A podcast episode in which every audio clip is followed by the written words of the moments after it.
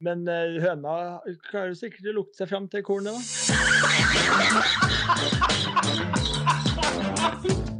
Her er starten på noe stort. Nei, men i helvete. Nei, Jo, men hør nei, meg ferdig, da. Hør, hør meg ferdig. Vi skriver 16. oktober 2023, og episode 20 av Fourboys-podden er faktisk et eh, faktum. Vi kommer rett fra en Tom Kim-seier i Shriners, hvor undertegnere stakk av med Driver of the Deck-tittelen og sørget for litt Monitas i fondet. Og ikke minst er dette en lytterspørsmål spesialis vi har på programmet. Og jeg kan jo bare ta dere kjapt gjennom manneguiden, for den er kort og grei i dag. Det er Shriners Open, som vi skal ta en liten prat om. Og så er det spørsmål, mange gode spørsmål. Vi skal kåre en vinner som skal få baller med spar og ruter og alt det greiene der. Shank Honnør og Driver of the Deck. Og med meg har jeg the usual suspects. Stian The Grinder Grødum. Åssen går det med deg? Det går bra med meg. Ole Andreas No when to hold them, no when to fold them, Vigre. Godt pokertema her, da. Jo, øh, hyggelig og fin intro. Oskar Bløffkål Halsen, åssen går det med deg? Jo, det er jo eh, Det går ikke så bra. Altså eh, Jeg som er på en måte raus med alt, alt og alle, syns at eh, vi skal dra på oss et lite jubileum i dag. Eh, episode 20. Det er jo et rundt og fint tall, det. Så det er en liten applaus der til oss selv. Har du en sånn applausknapp, Bekkis? Eh, ja, det kan jeg finne. Nei, nei, nei. For hvem, for hvem skulle tru? Det Ja, det er jo det er jo begynner å bli morsomt der nå. Det er veldig gøy at vi får eh, lytterspørsmål. Eh, både gode og dårlige, men aller flest gode. Det har vært en eh, imponerende samling med spørsmål, Vigre. Ja, absolutt. Det er veldig gøy at folk gidder. Og det er mange, det er mange gode spørsmål som er interessante å diskutere. Så vi får, vi får se hvordan det går. Vi får se hvordan det går. Kjapt om eh, Shriner, skal vi ta det først? Og så tar vi litt om livet også, må vi høre litt åssen det går med dere. Men eh, Tom Kim, han eh, tok bøtta, han, på, i Las Vegas med 20 under mot uh, Hadwin der, som tjente noen millioner ekstra på å sette en 25-fot på slutten. Um, Grødum, fulgte du litt med på turneringa fra Statene? Ja, det var ikke den turneringen jeg har sett mest av i mitt liv, men, uh, men jeg fikk eh, sett litt eh, i går kveld.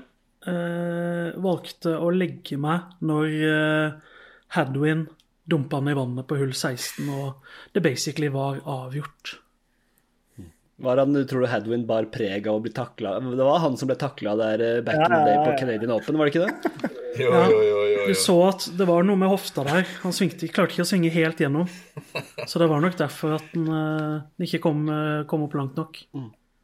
Og for dere som ikke ser på, det er jo ikke så mange som Vi legger ikke dette på YouTube ennå, men jeg sitter jo i dag med en Golfjentene Vicer, faktisk, som, eh, som en liten honnør til, eh, til Golfjentene, som min datter var med på. Så den eh, er ikke, den er ikke dum, for å si det sånn. Eh, Vigre, så du noe på turnering i helga? Eh, ja, og det det er en av de få gangene jeg har sett eh, nesten mer på fredagen enn noen av de andre dagene.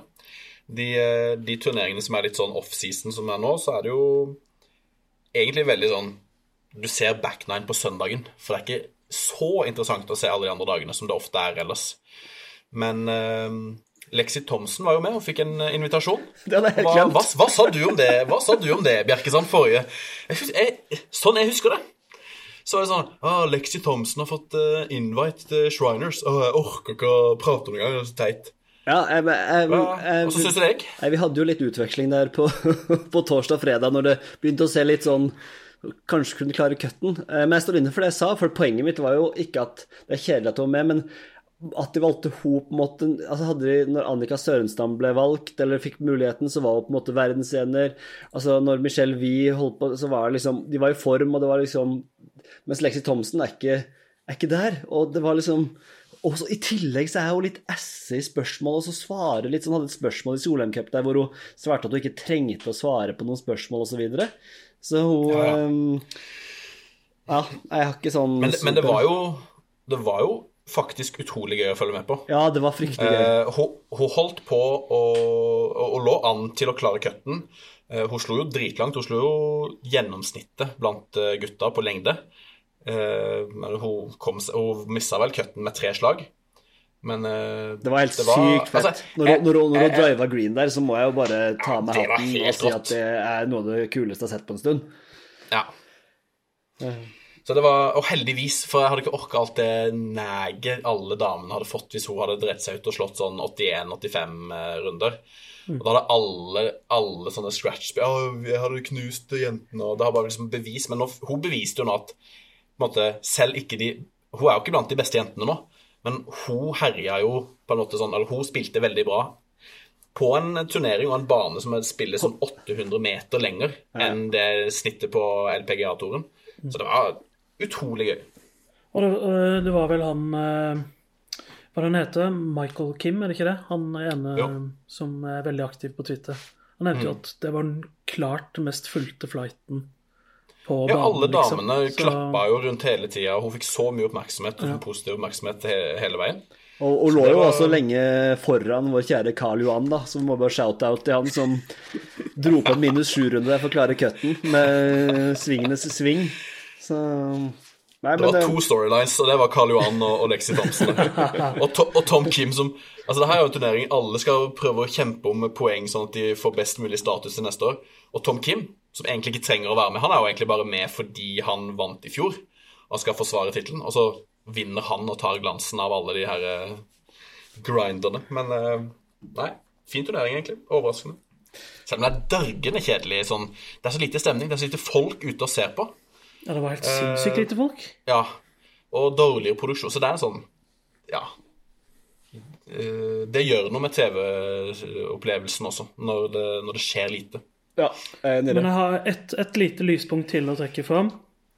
Isaiah Salinda det er kanskje ikke så veldig mange som har hørt om. Men han, eh, jeg liker de her mandagskval-historiene.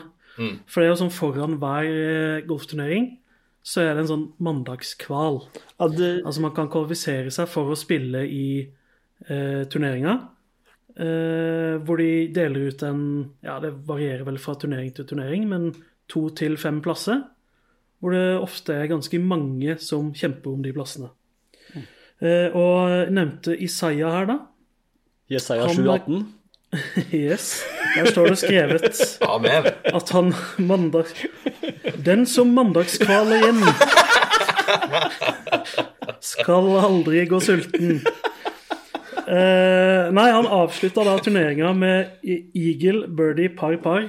De siste fire for å ende topp ti, og da få en automatisk plass i neste ukes turnering. Så det er litt sånn gøy. Kan jeg spørre en digresjon der? Hvor mange tenker på Eagle Eye Sherry når vi snakker om eagler? Sånn når du sa det, Eagle Barley Par, da tenkte jeg ikke jeg det. Nei? Nei. Men eh, Stian, eh, kan, kan hvem som helst melde seg på en sånn mandagskveld?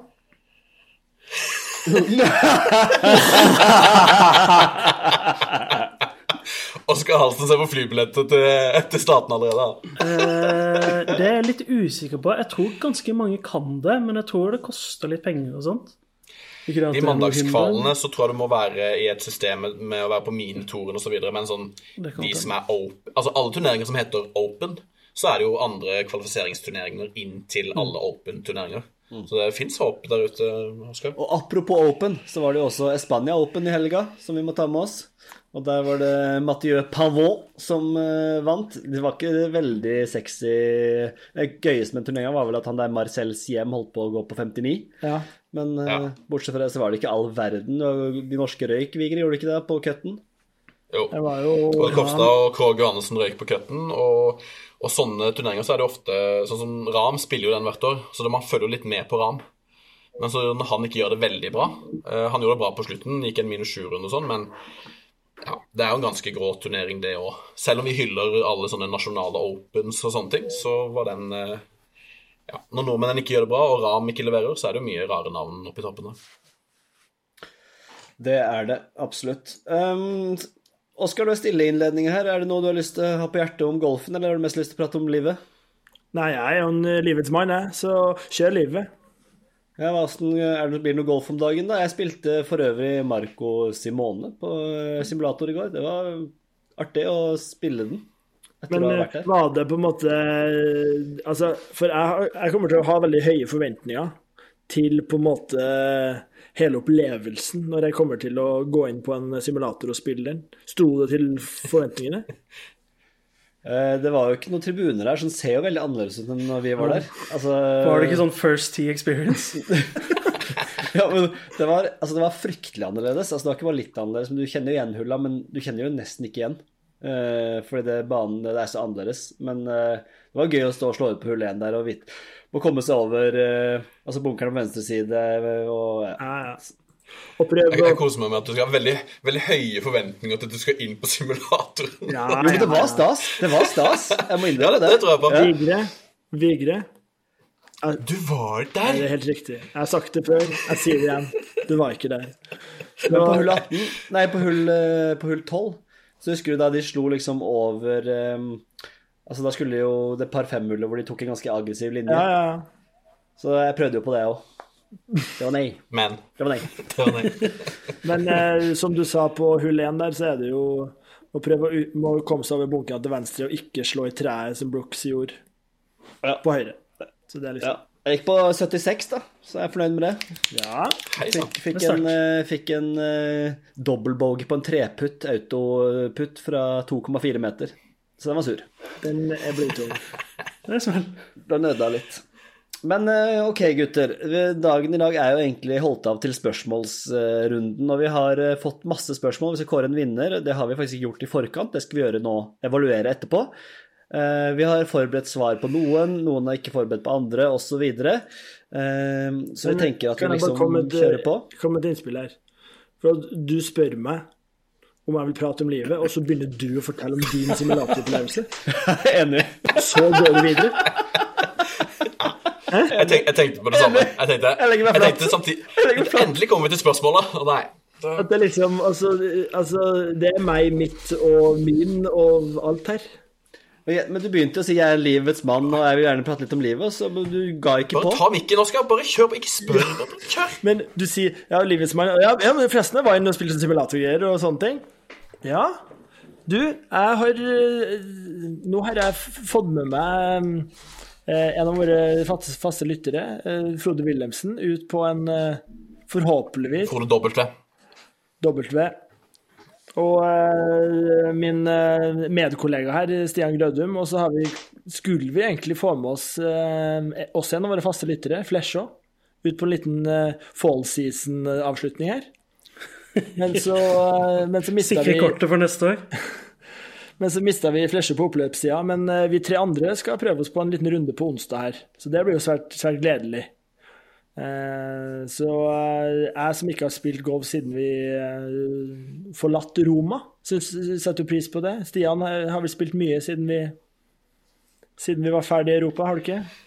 Nei, ikke kjempemye, bare et par, et par Ja, runder. det er ganske mye for oss som, som har, har familie her. Da vil jeg bare komme med en oppfordring til Frode W. om å, om å, om å rette litt på deg òg. Han eh, fikk jo Øystein til å peke litt høyere. Ja. Jeg er spent på eh, hvilke beskjeder du får. Ja, han er, eh, han er jo han, han er jo en som ikke tar ordet, så da må jeg jo kanskje spørre pent om noen tips, da. Ja. Men det, det blir gledelig, ja. Men ellers har det ikke vært så mye med golf, nei, Øystein. Det, det har det ikke. Det har du jo. Jeg fikk jo snap av at du hadde hele slekta på chipkonkurranse i kjelleren der. Så det, og det, det er jo en gavepakke. Så, Det- så var det Bertil Halsen som stakk av med seieren der, eller var det Nei da, det var jo eh, Det så lenge Altså, vi hadde fire chipper hver, og så er det jo en sånn klassisk eh, et stort og et lite hull, som også dere har prøvd, i forhold til eh, chippe-nett. Ja, jeg så hva du tenkte her, Stian. Eh, Hæ? Men eh, så det lå lenge an til delt, eh, delt ledelse med meg og pappa, og så, så satt jeg midt i bullseye med tre poeng på slutten her, så tok jeg bøtta. Det er godt å høre. Det er viktig. Tok bøtta. Tar de bøttene man kan. Nei, så Du har jo en familiebøtte og Så i, i min oppvekst så hadde vi jo bordtennisbord i kjelleren. Eh, men her har vi da chippekonk i kjelleren, og det, jo, det er jo særdeles gledelig. Da. Ja, det er en eh, meget sterk eh, aktivitet, familieaktivitet fra, fra, i, tre, i tre generasjoner. Ja, ja, ja. absolutt. Ehm, Da vet jeg ikke om jeg tør å si noe mer, men jeg har lyst til å gå videre til spørsmålene. For det er det dette skal være. Dette er jo en spørsmålsspesial. Ehm, Det passa fint med et kvarters innledning, og vi har fått mange gode spørsmål, som sagt. Eh, Vi skal gå gjennom de og evaluere etterpå og kåre det beste som får en alvorlig til premie. Og Oskar, du fortalte nå i forkant av sendinga at du har bestilt nye cruise nå, så nå er det også cruise i spillet her etter hvert. Altså, jeg satt jo og hørte på eh, forrige pod, og der lovte vi jo bort et cruise. Eh, Men i konkurransen så har vi jo bare da utlodda et, et dusin. Men jeg, jeg føler meg litt forplikta med å slenge på et cruise der, altså. Jeg gjør egentlig det. Vi kan jo eventuelt ta trøstepremie hvis vi er uenige. Ja, OK. Ok, nei, men da begynner vi egentlig bare å fyre rett på, tenk deg. Og jeg syns vi har et veldig godt spørsmål her innledningsvis fra Johannes Voldseth, som har sendt spørsmål på Instagram, og det går som følger. Hvordan ser topp fem ut på verdensrankingen om fem år? Alle setter opp sin én til eh, fem. Og da er det lurt, for dramaturgien har lært, å begynne på femmeren. Eh, Det er noe jeg har liksom jobba med for å, få, for å få inn. Så det er eh, det er veldig greit. Da tenkte jeg vi skulle begynne med femteplassen vår. Vi bare går runden på femteplass, og så oppover, tenkte jeg. Så Oskar, hvem er du på femteplass? Du, jeg har eh, en av de tre-fire store nå, så jeg tenker Jeg tror at eh, John Rum fortsatt er, er der oppe og nikker. Så jeg, jeg håper han eh, holder ut, selv om eh, jeg vet ikke Nå vet jeg ikke hva som liksom er toppen som golfspiller. Vigre, slapp av nå. Ser du bare trekker pusten. Vi har, vi har ti spørsmål. Vi er tre stykker som skal svare på alle ti spørsmål. Da er Ja, ja, men Må vel også evaluere litt, eh, først- må vel også evaluere litt Ja. eh, spørsmål her. Ja. Eh, Og det er jo et spørsmål som på en måte Altså, fem år er jo helt sinnssykt lenge. Så det er jo på en måte det er et enormt vanskelig spørsmål. Men, eh, men eh, hvis du skal svare på mitt spørsmål, Vigge, hva er toppen som golfspiller? Når er det du pike, Sånn aldersmessig? Ja, det, det har endra seg litt. Før var, var du litt eldre, føler jeg. Nå er man jo piker man litt yngre. Men jeg, jeg føler ikke det er samme greia som i fotball og sånne ting. Jeg føler alt mellom eh, 25 og 38, 30, altså 40, liksom, nesten. Ja. Ja. Piker man ikke tidligere? Piker man ikke nesten sent 20 nå, tenker jeg ofte er sånn Ja. Som golfer også. Ja, Ja. jeg tror det. eh, Vigre, har du, ja, hvem har du på femteplass, Oskar? Jeg har John Ram. Ja, det hadde du. Vigre? Men jeg tenkte sånn eh, Jeg bare tar den her litt. Grann. Nå skal ikke det her bli langt, men det blir kanskje litt grann langt. For jeg tenkte sånn Ja, fem år, det er ganske lenge. Og så lurte jeg på hvordan så det ut for fem år siden? Ja. Så da kom en Altså, liten jeg- jeg quiz det- til dere. Jeg tipper det bare avdanka spillere. Kanskje Rory var en Jeg tipper Rory var der. Rory er feil. Er Rory feil? Eh, ok. Uh, da tipper jeg fem år siden, må vi tenke litt her. Brooks. var der? Brooks var verdensscene for fem år siden. Yes. Var han det? Ricky Fowler? Ikke Ricky Speed Fowler. var der, kanskje. Speed var der ikke. Um... Er det gamle navn? Gamle slegere som Eh, er på vei ned? alle er aktive den dag i dag på litt er på forskjellige eh, liv. Nei, ikke Ostøysen. Det er tre liv og to PGA. Tre liv? Det var uh, tre av de som da var på Ryder Cup. Phil Mikkelsen. Nei. Uh, Vigre er sykt god til å si nei til alle andres forslag, men kom med få selv. Phil Mickelson. Ja, men kom med noe, da! Ikke bare sitte og si nei. Jeg satt jo Rory! Satt Rory! Jason Day. Jason Day.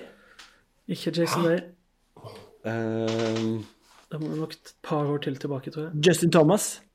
Justin Thomas var nummer fire. var han det? Tenkte å ta han etter Speed der, men uh, droppa det. Tenk Så er det en europeer, eh, og så er det to eh, Liv-gutter til, da. Justin Rose. To Liv-gutter? Justin Rose var nummer to. Justin! Den er sterk. Det er Ja, han som måtte skiller seg ut her. Det er fem Ja, Cam! Smith, var han liksom oppe og nikka da? Nei. Nei, det er de to store gutta. Altså fysisk sett og holdt jeg på å si. De to Bryson. store ja, Bryson var nummer fem. Bryson. Å ja. Og eh, ja, selvfølgelig Dustin Johnson. Yes. Dustin tre. DJ, ja, DJ var dårlig av oss, men jeg trodde ikke Bryson. Nei, det trodde ikke heller. Så det er jo litt av de samme som er oppe i toppen nå, da. Ja. Kan man jo si, selv om ingen av de er på det nåværende var topp fem. det var overraskende aktuelle navn. Jeg Mm. trodde det skulle være noen sånn gamle Men altså, fem år, ja. At ikke Rory var der, det syns jeg var Men han hadde jo en periode hvor han ikke var der, selvfølgelig. Men, Men, men de hadde jo sikkert vært høyere opp på list, dagens liste hvis de ikke hadde gått liv, da. Det hadde de nok sikkert. Da er vi, da er vi snart ferdig med femte spillet. Men ja, jeg, jeg sier også John Rahm som min nummer fem. Oi. Oi, sorry. Hvem var du, Vigre? Du, jeg har faktisk uh, Cam Young. Cam Young? Jeg, tar, jeg prøvde å ta det de som slår langt, de nye, nye unge folka som er gode. Så der ble faktisk han på femte. Ja. Det er spesielt. Jeg har, eh, jeg har helgens vinner, Tom Kim. Og jeg håper, jeg tror ikke. Han, eh, han har jeg på min fjerde. OK. Eh, på min fjerde så har jeg gått, eh, da har jeg gått eh, litt ned og sett på amatørene. Så der er det Gordon Sargent som er nummer fire om fem år. Han slo bøttelangt, gjorde ikke det? Han Han slo. slår bøttelangt. Ja, han eh, slår langt, altså. Var det er han som spilte i Masters? Ja, jeg tror det. Han spilte i hvert fall én av majorene, og Ja. ikke to. Vigre? Eh, Jeg har Aaberg som eh, nummer fire. Jeg har, eh, her kommer min joker på nummer fire. Charlie Woods. Jeg, jeg skal snakke om det før sending, men Jeg måtte inn og google, men han er jo bare 19 år om fem år. Ja, ja. Du kan jo fint Altså, når du, heter Woods, så kan du klare å klare, karre deg inn på en topp fire der som 19-åring. Han kommer jo ikke til å gå college, han. Han kommer til å bli proff. Nei, Han kommer Det er så til å gå sjukt hvis han han kommer det. til å gå college. Nei, han kommer til å gå pro. Han har jo Ti år så hadde det vært den Charlie Woods på eneren. Åh, han har lyst til å ha en, jeg òg. Åh, han har lyst til å ha en. Så uh, nummer tre, da kan jeg begynne. På nummer tre så har jeg mm, Cam Smith. Jeg tror han eh, kommer til å komme tilbake og liksom være og Mr. Aussie Man som uh, dominerer framover. Og når Liv alltid igjen er lagt seg, så kommer han til å bare dominere mer. Ja, Ja, Da legger du til grunn at de Altså, får seg poeng. da, til slutt. Ja, de fikk jo nettopp ja, ja. avslag uh, igjen, at de ikke får disse poengene. Så det Jeg legger til grunn at uh, om fem år så tror jeg absolutt at disse Liv-gutta på et vis får verdensrankingpoeng. Ja. ja men uh, du må jo få rankingpoeng noen år i forkant for å få, komme deg opp dit. da, For jeg har egentlig utelukka Cam Smith og mange av de Liv-gutta. Hvorfor det? Det er jo ingenting som er Altså, det er, mange tror jo at om veldig kort tid så er jo hele greia bare Ja. støv. Nei, jeg har egentlig lyst til å ha inn uh, han òg, men uh, ja. Mye egentlig her, Oskar. Hvem er det du har, Du må stå over din egen liste, da. Ja. Klapper jo sammen bare kommer ett forslag fra høyresida her. Jeg klapper jo ikke sammen, jeg bare sier at jeg utelukka Liv-gutta. Det Ja. er horn og Ja. trut, du, da. Rødtryne. Ja, Så kom, da. Den har du på treeren. Jeg har Rory McIlroy. På seniorturen, eller på Nei da, han, han holder seg gående. er 89-modell. 89 med det. Ja, nei, på tredjeplass eh, har jeg Ludde. Ludde der? Du Ludde på tredje. Jeg har faktisk Jeg har faktisk uh, Scotty, altså. Han, uh, jeg gir han fem år på å fikse puttinga si. Han, han, er verden, han er verdensener med så dårlig putting. Altså, de slagene hans Altså, er så gode. han, han var verdensener. Altså, hvis den, der, hvis den der eh, rankingen hadde vært liksom litt annerledes enn det er nå, så hadde han jo ikke vært i nærheten av på der. Fysj og fy. Få han bort. Få han bort. Hva var det for et resonnement? Hvis systemet hadde vært litt annerledes, så hadde det ikke vært der. Hvilket system? Altså. Nei. Trynefaktor. Han, han har spilt dårlig i det siste, og det er det jeg skulle fram til. Han, han, nei, han har ikke det. Jo, Han har putta dårlig og fått mye oppmerksomhet på det, men han leverer jo greit, han. ja, nei, men eh, med på den. var Eh, Andreplass. Hva var sånn live i Roma. Spilt dårlig. Du var ikke Vigre. Ni og sju. Ni og sju. Ja, Ni og sju. sju. Jeg har, Han er ferdig, han. jeg har uh, Ludde Larsen på andre. Jeg har også Ludde Larsen på andre. Jeg har Cam Young på andre. Nei! Ja! Nei, alle Cam Young? Ja, ja, ja. Hva det Så stygglangt. Da er ung. Du ser på han at han kommer til å bli steingod. Når han først vinner sin første turnering, så kommer det til å eh, rulle inn Han kan bare tapt seg da veldig av psyken til en eh, bambus. Ingen svakheter har han. Han er bare dønn treig i trynet. Da er Det greit. Uh, Vigre, hvem er du andre? Uh, John Rahm. John bra. Han holder seg. Ja, jeg hadde egentlig Har vi første Har vi samme Vi er egentlig han førsteplass? og. Eh, Så er det på førsteplass. Har vi likt alle mann her, eller? Jeg tror det. Det ble, det ble Hovland til slutt. Det ble Viktor her. Men jeg tror det òg. Det, er det er oppriktig. Altså, jeg hadde, hadde egentlig lyst til å sette Tommy Ledd. Det ble Viktor. Ja, det blir jo veldig sånn fanboy-klubben her. eh, Men jeg, jeg, mener, jeg mener litt det òg. Det er selvfølgelig sånn Jeg håper du mener det fullt helt. Han er, Ja, jeg var usikker på Ramel og Hovland, men jeg, altså Ja, nei. han er jo den yngste av alle de som ligger oppe der nå. Han har på en måte ikke Han er 29? Ja, han er sin Ja. prime ja, 29, han er vel 24 nå, ikke sant? Han blir, han blir Er 30. ikke Nei, han 30, 31 er det vel kanskje. Han blir Nei, ikke 26, er han Ja, han er 26, Ja, han ble nettopp 26. Ja, 31. Perfekt. 31 er nydelig. Det er da han skal ta Nei, men eh, Bra spørsmål. Takk skal du ha, Johannes eh, Voldseth. Um, så har vi spørsmål nummer to fra uh, bro, navnebror til Viktor, ukjent slektskap, Eivind Hovland. Som uh, spør uh, hvordan smøres ektefellen i forkant av en dag eller helg på golfbanen? Noen tips å dele? Oskar? Altså, Man kunne egentlig, kunne egentlig lagt inn hvordan smøres foran en tidagers tur. Det er noe helt annet. Da er jo tipset bare å banke det inn tidlig. Altså, For å si det sånn, så, så mye smør har ikke jeg i kjøleskapet. Det kan jeg bare si med en gang. Men eh, sånn, eh, sånn i forhold til en helg eller en dag altså, Det beste tipset jeg kan gi Alt handler om timing. Jeg gjentar. Alt handler om timing. Ja. Fordi at eh, altså, du kan spørre nesten om hva som helst hvis eh, kona er i godt humør og ting flyter på, på hemmeplanet. Da er liksom eh, bare å slenge en liten bisetning der, en tidagers tur, ja ja, det går fint, og så Men eh, Her er et litt annet tips som er litt kontroversielt, kanskje. Det er å, å spørre foran andre. Ja. Det kan være, det kan være litt, litt av luring. Altså, det er risky. Det er risk reward, men, ja, Det er risky. men eh, Det, det syns jeg er stygt gjort. Ja, litt. ja, ja, som sagt, det er kontroversielt, men kan ofte Ja. funke. Men Det er jo sånn, det er sånn som et frieri ute liksom i public. Sånn, det er for flaut å si nei, på en måte. Så får du en skyllebøtte i bilen på veien. Ja, men den skyllebøtta får man bare ta. Ja, men eh, altså Jeg kan jo nesten komme med et spørsmål Altså et delspørsmål til det der, da. Hvordan komme hjem fra en helg eller en tur uten at det liksom Uten at det blir dårlig stemning i løpet av turen eller når du kommer hjem. Det er jo ikke mulig. Du må jo bare Altså Du må bare stå i det der. Så det Ja, det er viktig å bare stå i det. Men, eh, men det som er eh, Altså Men for å være litt seriøs, da. Det beste tipset er jo planlegging. Alt handler om planlegging her. Er du tidlig ute, så går alt. eh, går alt. Eh, men det er vanskelig å være god til å planlegge òg, da. Men eh, det, er, det, som er, det som er vrient med golf og koner og sånn, er jo det at golf tar så lang tid. Og det de vil gjøre, det tar så kort tid. Så jeg skulle liksom ønske at, er sant. eh, at liksom det de gjorde, kunne ta litt lengre tid. Så når de skal ha en, hvis de skal ha en løpetur, eller hvis de skal møtes en kveld altså, Gjør noe som tar seks-sju timer. Så når du får melding av Hanne sånn jeg kommer hjem nå. Nei, nei, nei, Ja. så- nei ikke, ikke kom hjem. Skal du bare bli, du. Ja. Men eh, Nei, men jeg er helt enig. Du må spørre tidlig, og timing. Ja. Det, det er alfa og omega.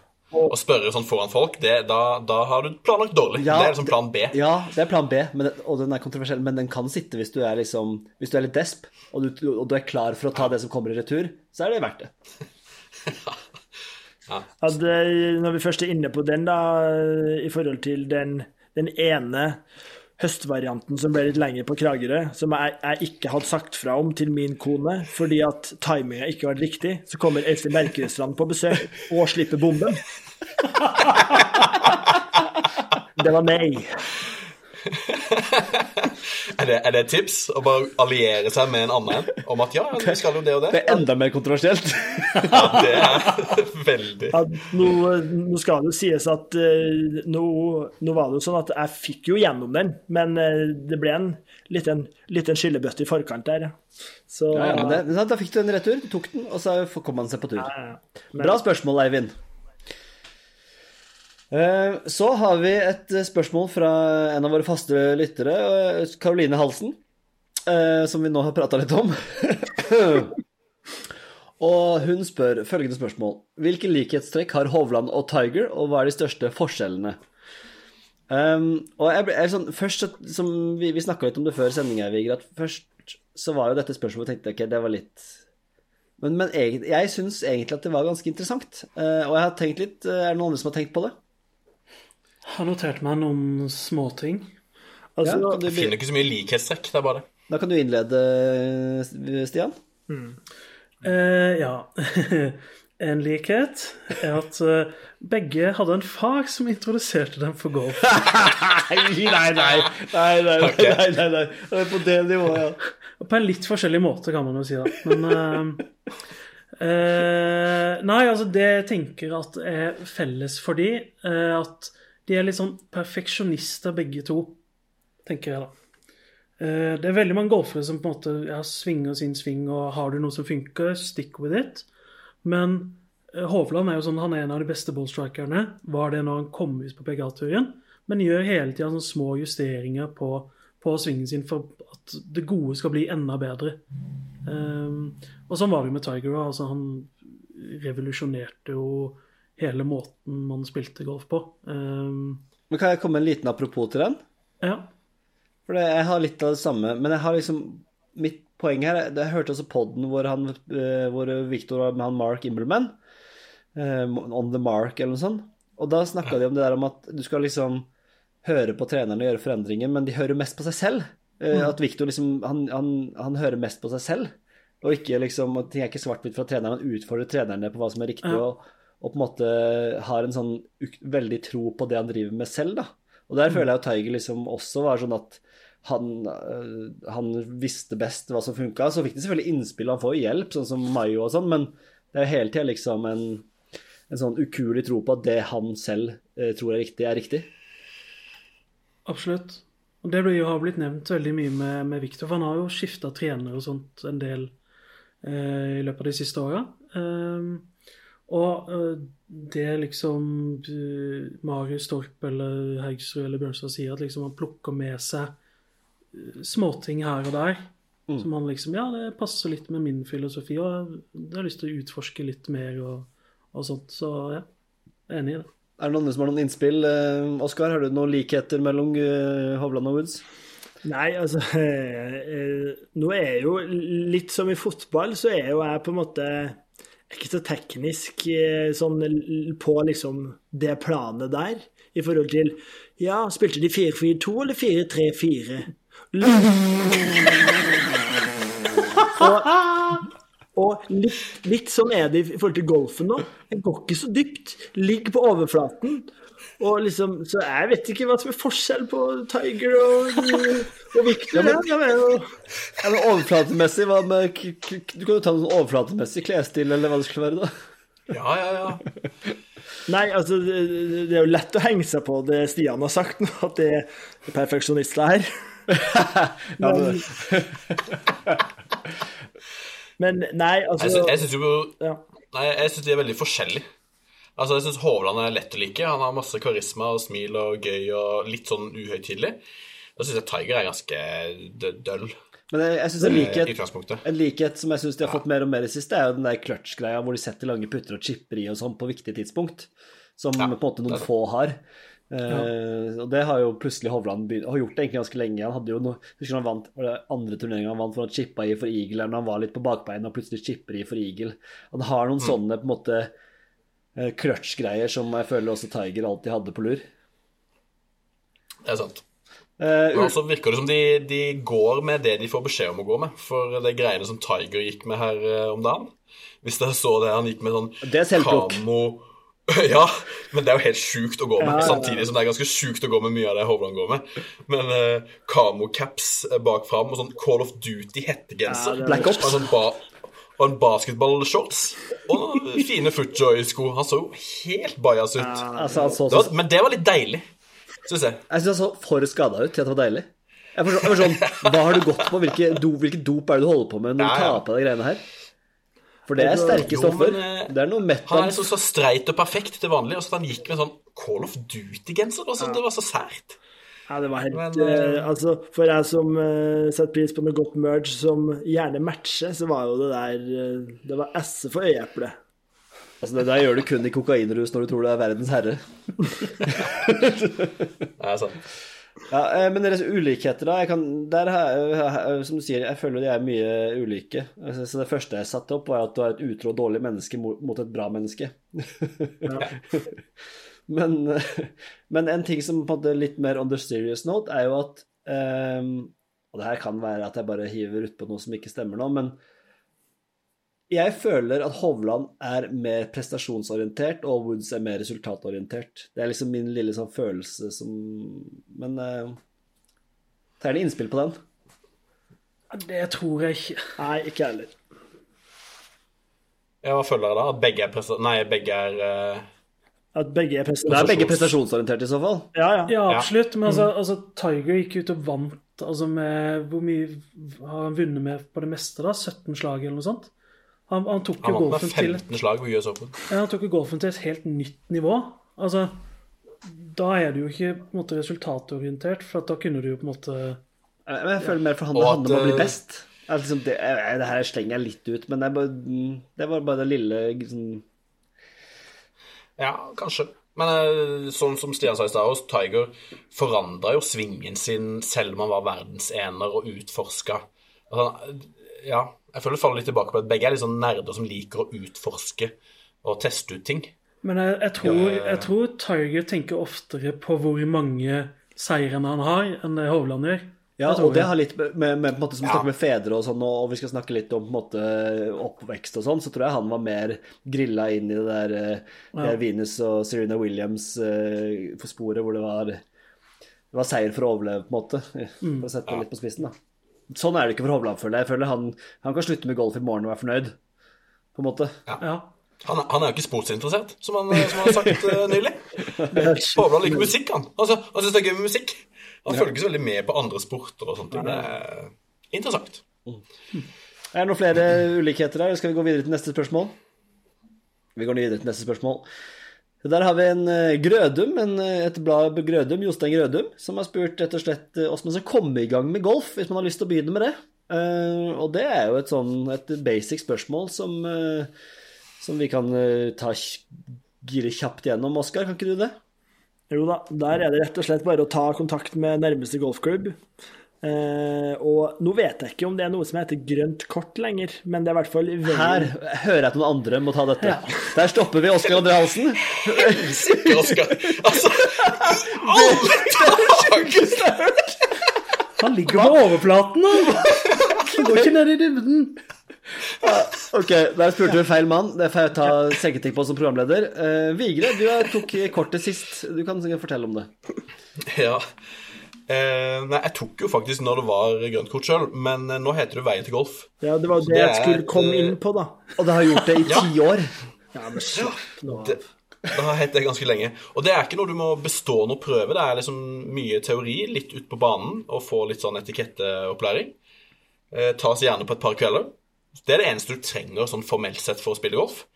Og så må du jo egentlig da ha et medlemskap i en klubb. Enten et sånn fjernmedlemskap eller eh, fullt medlemskap. Og så er jo tips Det er jo liksom det formelle. Eh, tipset er jo å skaffe seg noen å spille med.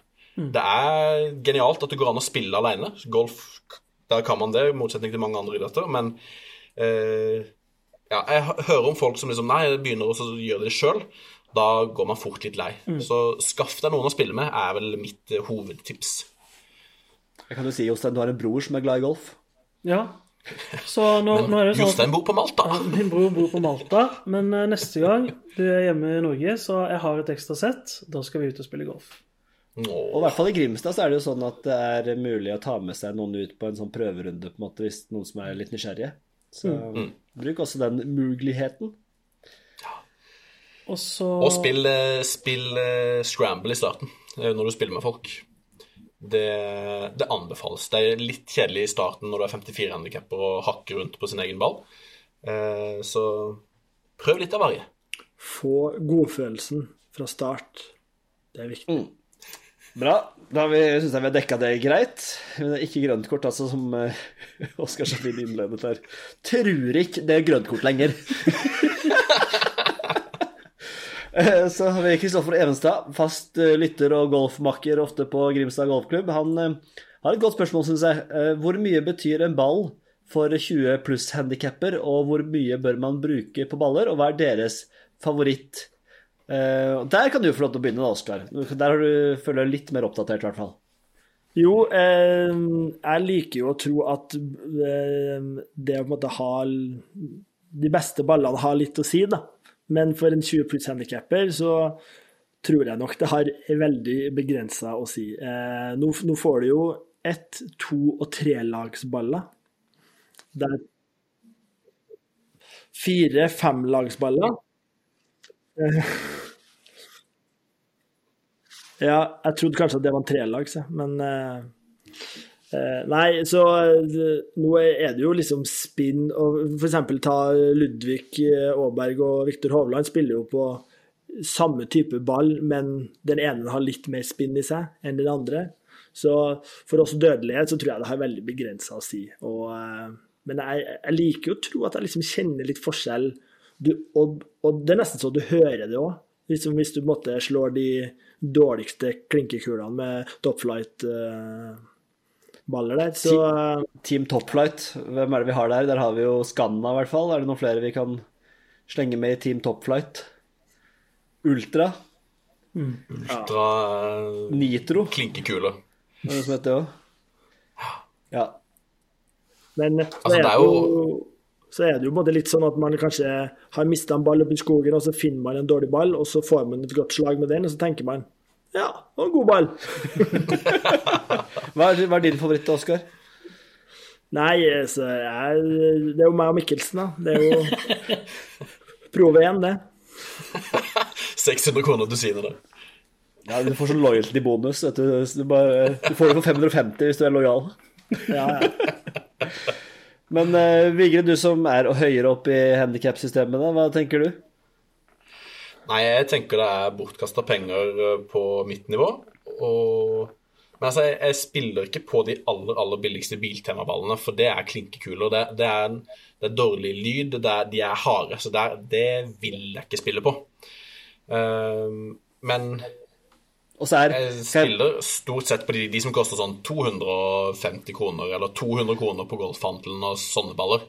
Trelagsballene eller tolagsballene til Strixon og så videre. For det er, sånn, noen prosenter forskjell. Du ser på sånne tester hvor langt de går, hvor mye spinn de får. Så ser du, ja, det, er, noen justeringer her og det er noen prosent lengre, noen prosent sånn og sånn. Og vi er jo ikke der.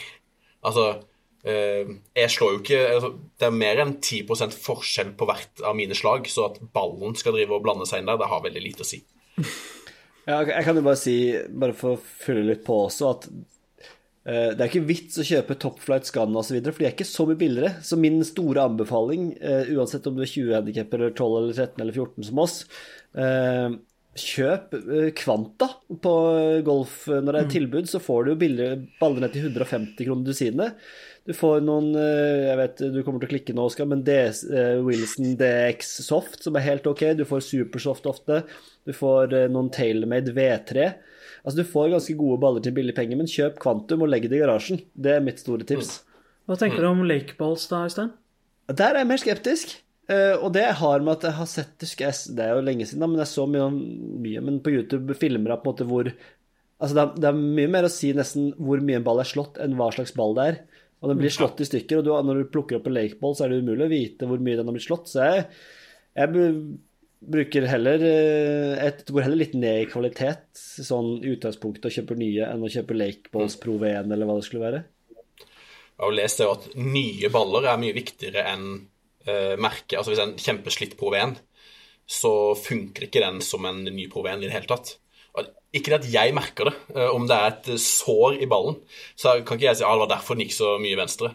Uh, for det kan jeg ikke skylde på. Men sånn alle de her robottestene, så er det på en måte hvor fersk ballen er, som har mest å si. Og Jeg anbefaler alle å bare ta en liten bit, ta tenna på ballen, kjenn på den. Og liksom hvis du får på et lite gjennomslag på ytterste laget, så er det på en måte For det på de skannene av toppflight osv., så, videre, så får du ikke det lille gjennomslaget med tennene. Så det pleier jeg å gjøre, bare for å ta en sånn Liten sjekk. Ikke, ikke bit for hardt. Nei. Det eneste jeg merker det på, på det sjøl, det er de beste ballene, femlagsballene som V1 og sånn. Det er spinn rundt green. Altså, de spinner mer på de eh, sånn 10- og 20-meters-slaga. Det er det eneste jeg føler jeg kan merke. Det er fordi man vet at det er sånn nå, da. Så jeg, det er kanskje å skryte litt på seg at man føler at man merker det. Ja, det er så kjipt når ballen spinner for mye. At du får den drar tilbake litt for mye. At du Ja. Ja, det, det er Du må ha, du må ha kontroll på synes ja. Nei, men eh, Bra spørsmål. Hva er din favorittball, Stian? Eh, akkurat favoritt er jeg litt usikker på, jeg har spilt for litt forskjellig. Men nå eh, var jeg innom golfhandelen, fikk et veldig godt tips. Jeg spurte liksom ja, hva vil du anbefale av ball da, til en spiller som er som ja, ikke slår så fryktelig langt, uh, men er god for de. um, da fikk jeg Wilson Tri, uh, Triade, Triad, som uh, jeg har veldig god erfaring med. Så det har blitt nå min go to-ball. Hva er det Den du sier er- prisen der? Den ligger hakket under de uh, røffeste. Eh, så jeg tror du får sånn tre dusin til 1000 kroner eller noe. Ja. Og det er jo um, Stian slår jo ikke bort baller heller, så det Nei, er jo så verdt jeg sliter med at de blir utslitt før jeg mister de, på en måte. Det er noen som har det. Eh, Du sa ikke hva de som var din favorittball, Vigre? Nei, jeg har ikke noen favorittball. De jeg finner, de jeg finner på venstre side av fairway. Ikke den der eh, gule og blå eh, varianten. Dividen, Strixon Divide, gul og blå delt i to. ja, det var gøy. Jeg tror faktisk- fant de, Det er spinne venstre der. Jeg tror faktisk min favoritt, eh, som jeg aldri bruker fordi det er sånn premiumball som ikke er på gode tilbud ofte, er Pix. Jeg syns den er kul. Skulle gjerne brukt den mer, eh, men den er for dyr til å bruke i hverdagen. Og for de som ikke vet hva det er, så er det altså en eh, TP5 Tailmade. Mm. det. Er riktig. Det er riktig. Nei, men det Fint spørsmål, Evenstad. Han har Evenstad fyrt opp med to spørsmål. han. Dobler sjansene sine på baller. Det er ikke dumt, det. Det er lurt å legge et ekstra lodd i kassen. Ja. Eh, hvilke tanker har dere om TGL, og hvorfor har ikke Hovland joina ennå? Og hvem rekker opp hånda den som er best til å forklare kjapt hva TGL er? Det er ikke meg, tror jeg. Jeg hadde tenkt å rekke opp hånda og si at det ikke er Oskar, Ja, men uh, eh, ja. vurderte jeg òg. Eh, jeg kan prøve å forklare litt. Ja. Um, det, eller, grunnen til at det er vanskelig å forklare, er jo at de har jo ikke forklart helt hva det er ennå. Nei, for de har ikke det, sant? Det er ikke jeg som er dum. de har Nei, du Nei, er ikke dum. takk. Jeg har prøvd å finne ut av det. Men det er jo Tiger og Rory og en sånn eh, fin gjeng som skal starte sin egen liten sånn showliga. Og det er liksom det jeg vet foreløpig, det er at det er sånn stadionbasert. Eh, De skal spille inne på en stadion. Eh, Det skal være lag. Og noen av slagene skal liksom gjennomføres på en eller annen ny type fancy simulator, og på sånn storskjerm og greier. Og så tror jeg resten av spillet, liksom nærspillsdelen av turneringa, skjer inne på stadion, inne på sånn spesialbygd bane. Er det sant? Jeg trodde det bare var kødd, jeg, liksom. Jeg trodde det skulle være dønn simulator. er det det jeg har skjønt? I hvert fall puttinga skulle være på, Jeg tror det. inne på stadionet. Men det er, det, det, det, det, det er der detaljene er litt uklare. Hvordan, altså, hvordan ser sesongen ut? Jeg tror det er sånn 15 eventer eller noe sånt. Det er jo veldig mange store navn som har signa. Altså, altså, det er jo kjempemange store navn. Eh, jeg er jo skeptisk til hele opplegget. Sånn, hvilket, for å svare på det, hvilke tanker har vi om det? Det er vanskelig altså, Det er kjempemange store navn som sier ja, så det må jo være noe kult med det. Det må være penger i det, i hvert fall. De har vel sagt ja, Det må for være- Hoods er der. Ja. Ja, det må være penger i det, og så har de fått en TV-deal. Uh, De har fått masse buzz rundt det, men de har fortsatt ikke helt forklart hvordan konkurransen skal foregå. Så jeg syns det er veldig rart. De savner konkurranseformat. Ja. Men eh, og de har, det er jo de samme gutta som har vært ute og kritisert altså Rory er med, det er jo de samme gutta som har vært ute og kritisert Livgolf og den pakka der. Selvfølgelig på litt andre premisser, men uh, ja, for det Jeg er veldig skeptisk. til det. når skal de ha tid til å spille der, da? Er det, så, er det ikke sånn midtukegreie? jo, Jo, for det, det var det jeg leste, at det skulle være midt i uka. Får vi en midtukekupong? Men det er jo ikke noe som ikke. Det er jo ingenting som teller inn i verdensranking eller noe tour eller noe sånne ting, så det her er jo bare en sånn Jeg syns det minner litt om de her eh, skiskytterstevnene i romjula, eller de som går Gelsenslinken. der, som er sånn Ja, det er greit å kanskje se på hvis det ikke er noe annet som går, men det er jo ikke sånn Man engasjerer seg jo ikke så mye, så jeg er litt sånn skeptisk til hvor gøy blir det her. Men, men det er jo kult er en- at de prøver noe nytt, da. Ja, man må hylle at de prøver noe nytt, og så skal det jo være liksom eh, seervennlig. Det er en stadion som skal ha plass til sånn 2000 stykker, og så skal det skje noe greier i midten der.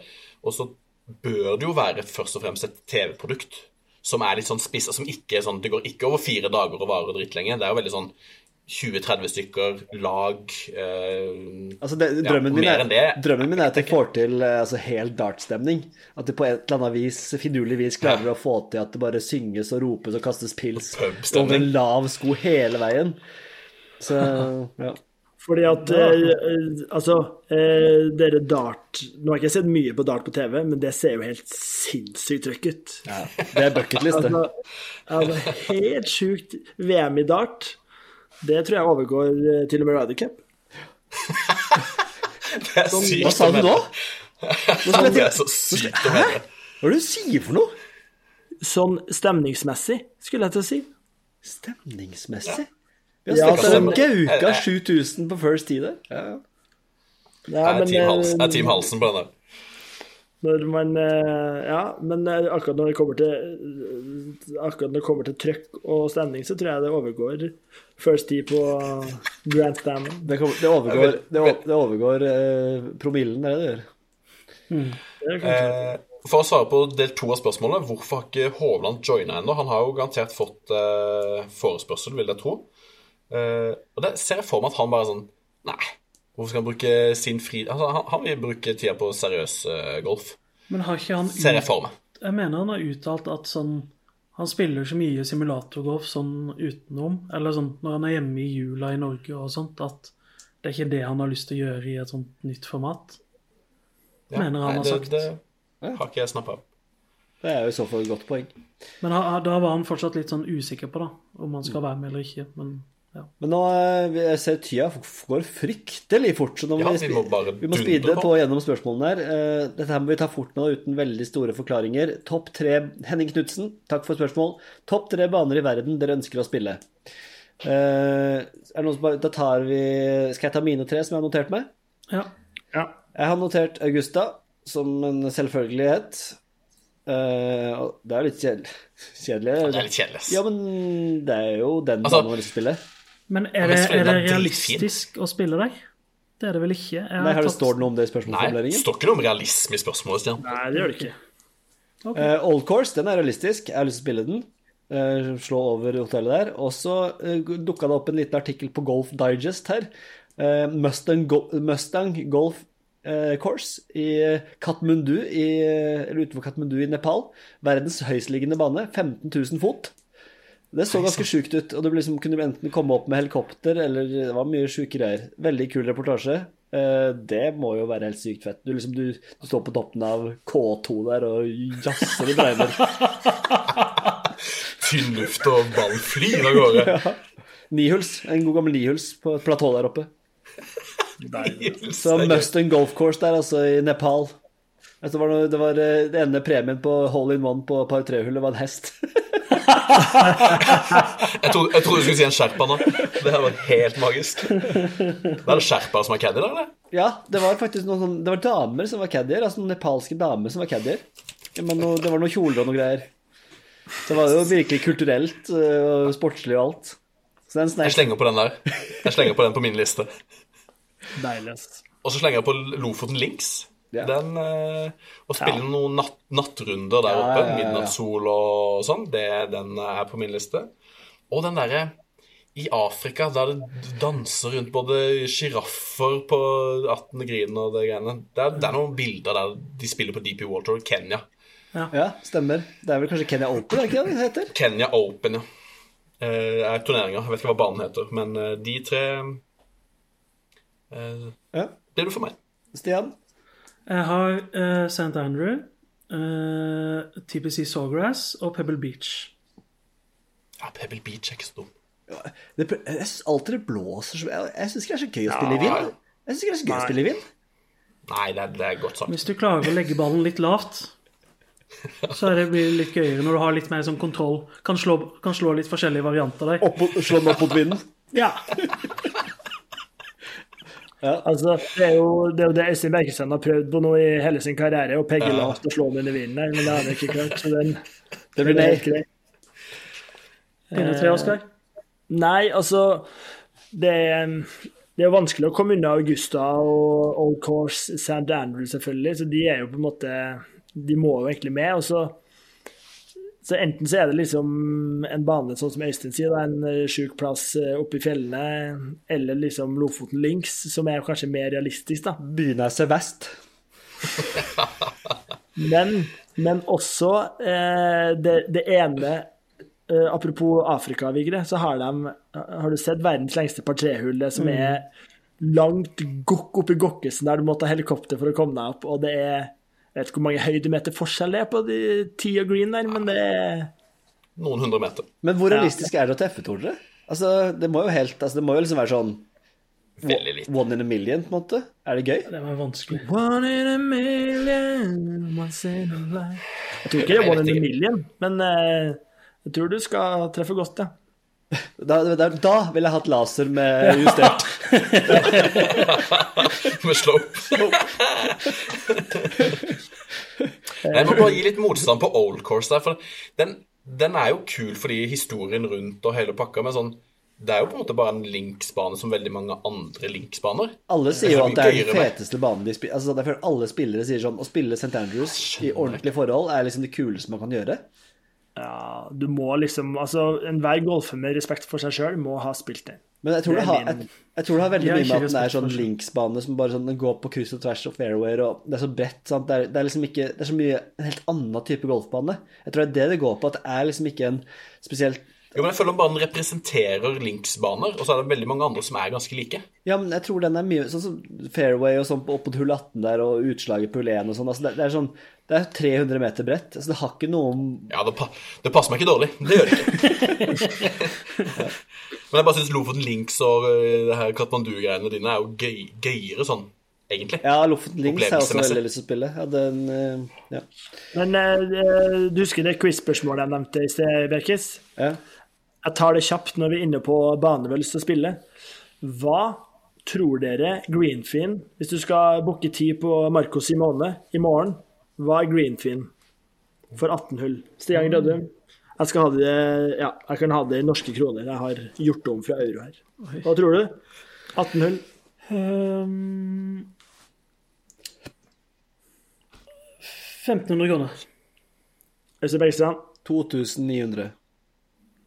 Ole Andreas Jeg hadde tenkt, tenkt å si 3000, men jeg tipper det er overraskende lavt siden du slenger det ut. Men jeg sier 3000. 4050 kroner. Oi. 350 euro for 18 hull. 200 euro for 9 hull. Det er da eh, 225 kroner per hull hvis du skal gå 18 hull. Det er da For Vigre så blir det ganske lite per slag, da, men for oss andre så Men det er jo helt. Altså, jeg tipper de har dobla den Greenfin etter Det må du egentlig finne ut av. da. Hva betalte, de, hva betalte man i fjor, eller for tre år siden? liksom? Hvor mye melker de i Ryder Cup? eh, det er jo De har jo investert i den. Altså, den er jo Hvis du skal spille en bane, så er den er jo mint condition nå. Vi lå jo Ja. på fairway der du kjente på det, Oskar. Altså, det var jo som å ligge på et filtteppe. Kose seg. Ja, det var Altså, for å si det sånn, den fairwayen der var eh, langt bedre enn mange average griner i Norge, for å si det sånn. Det var helt sjukt. Ja, men Bra spørsmål. Vi må gå videre. Skyndte oss videre. Bra spørsmål, Henning Knutsen. Takk skal du ha.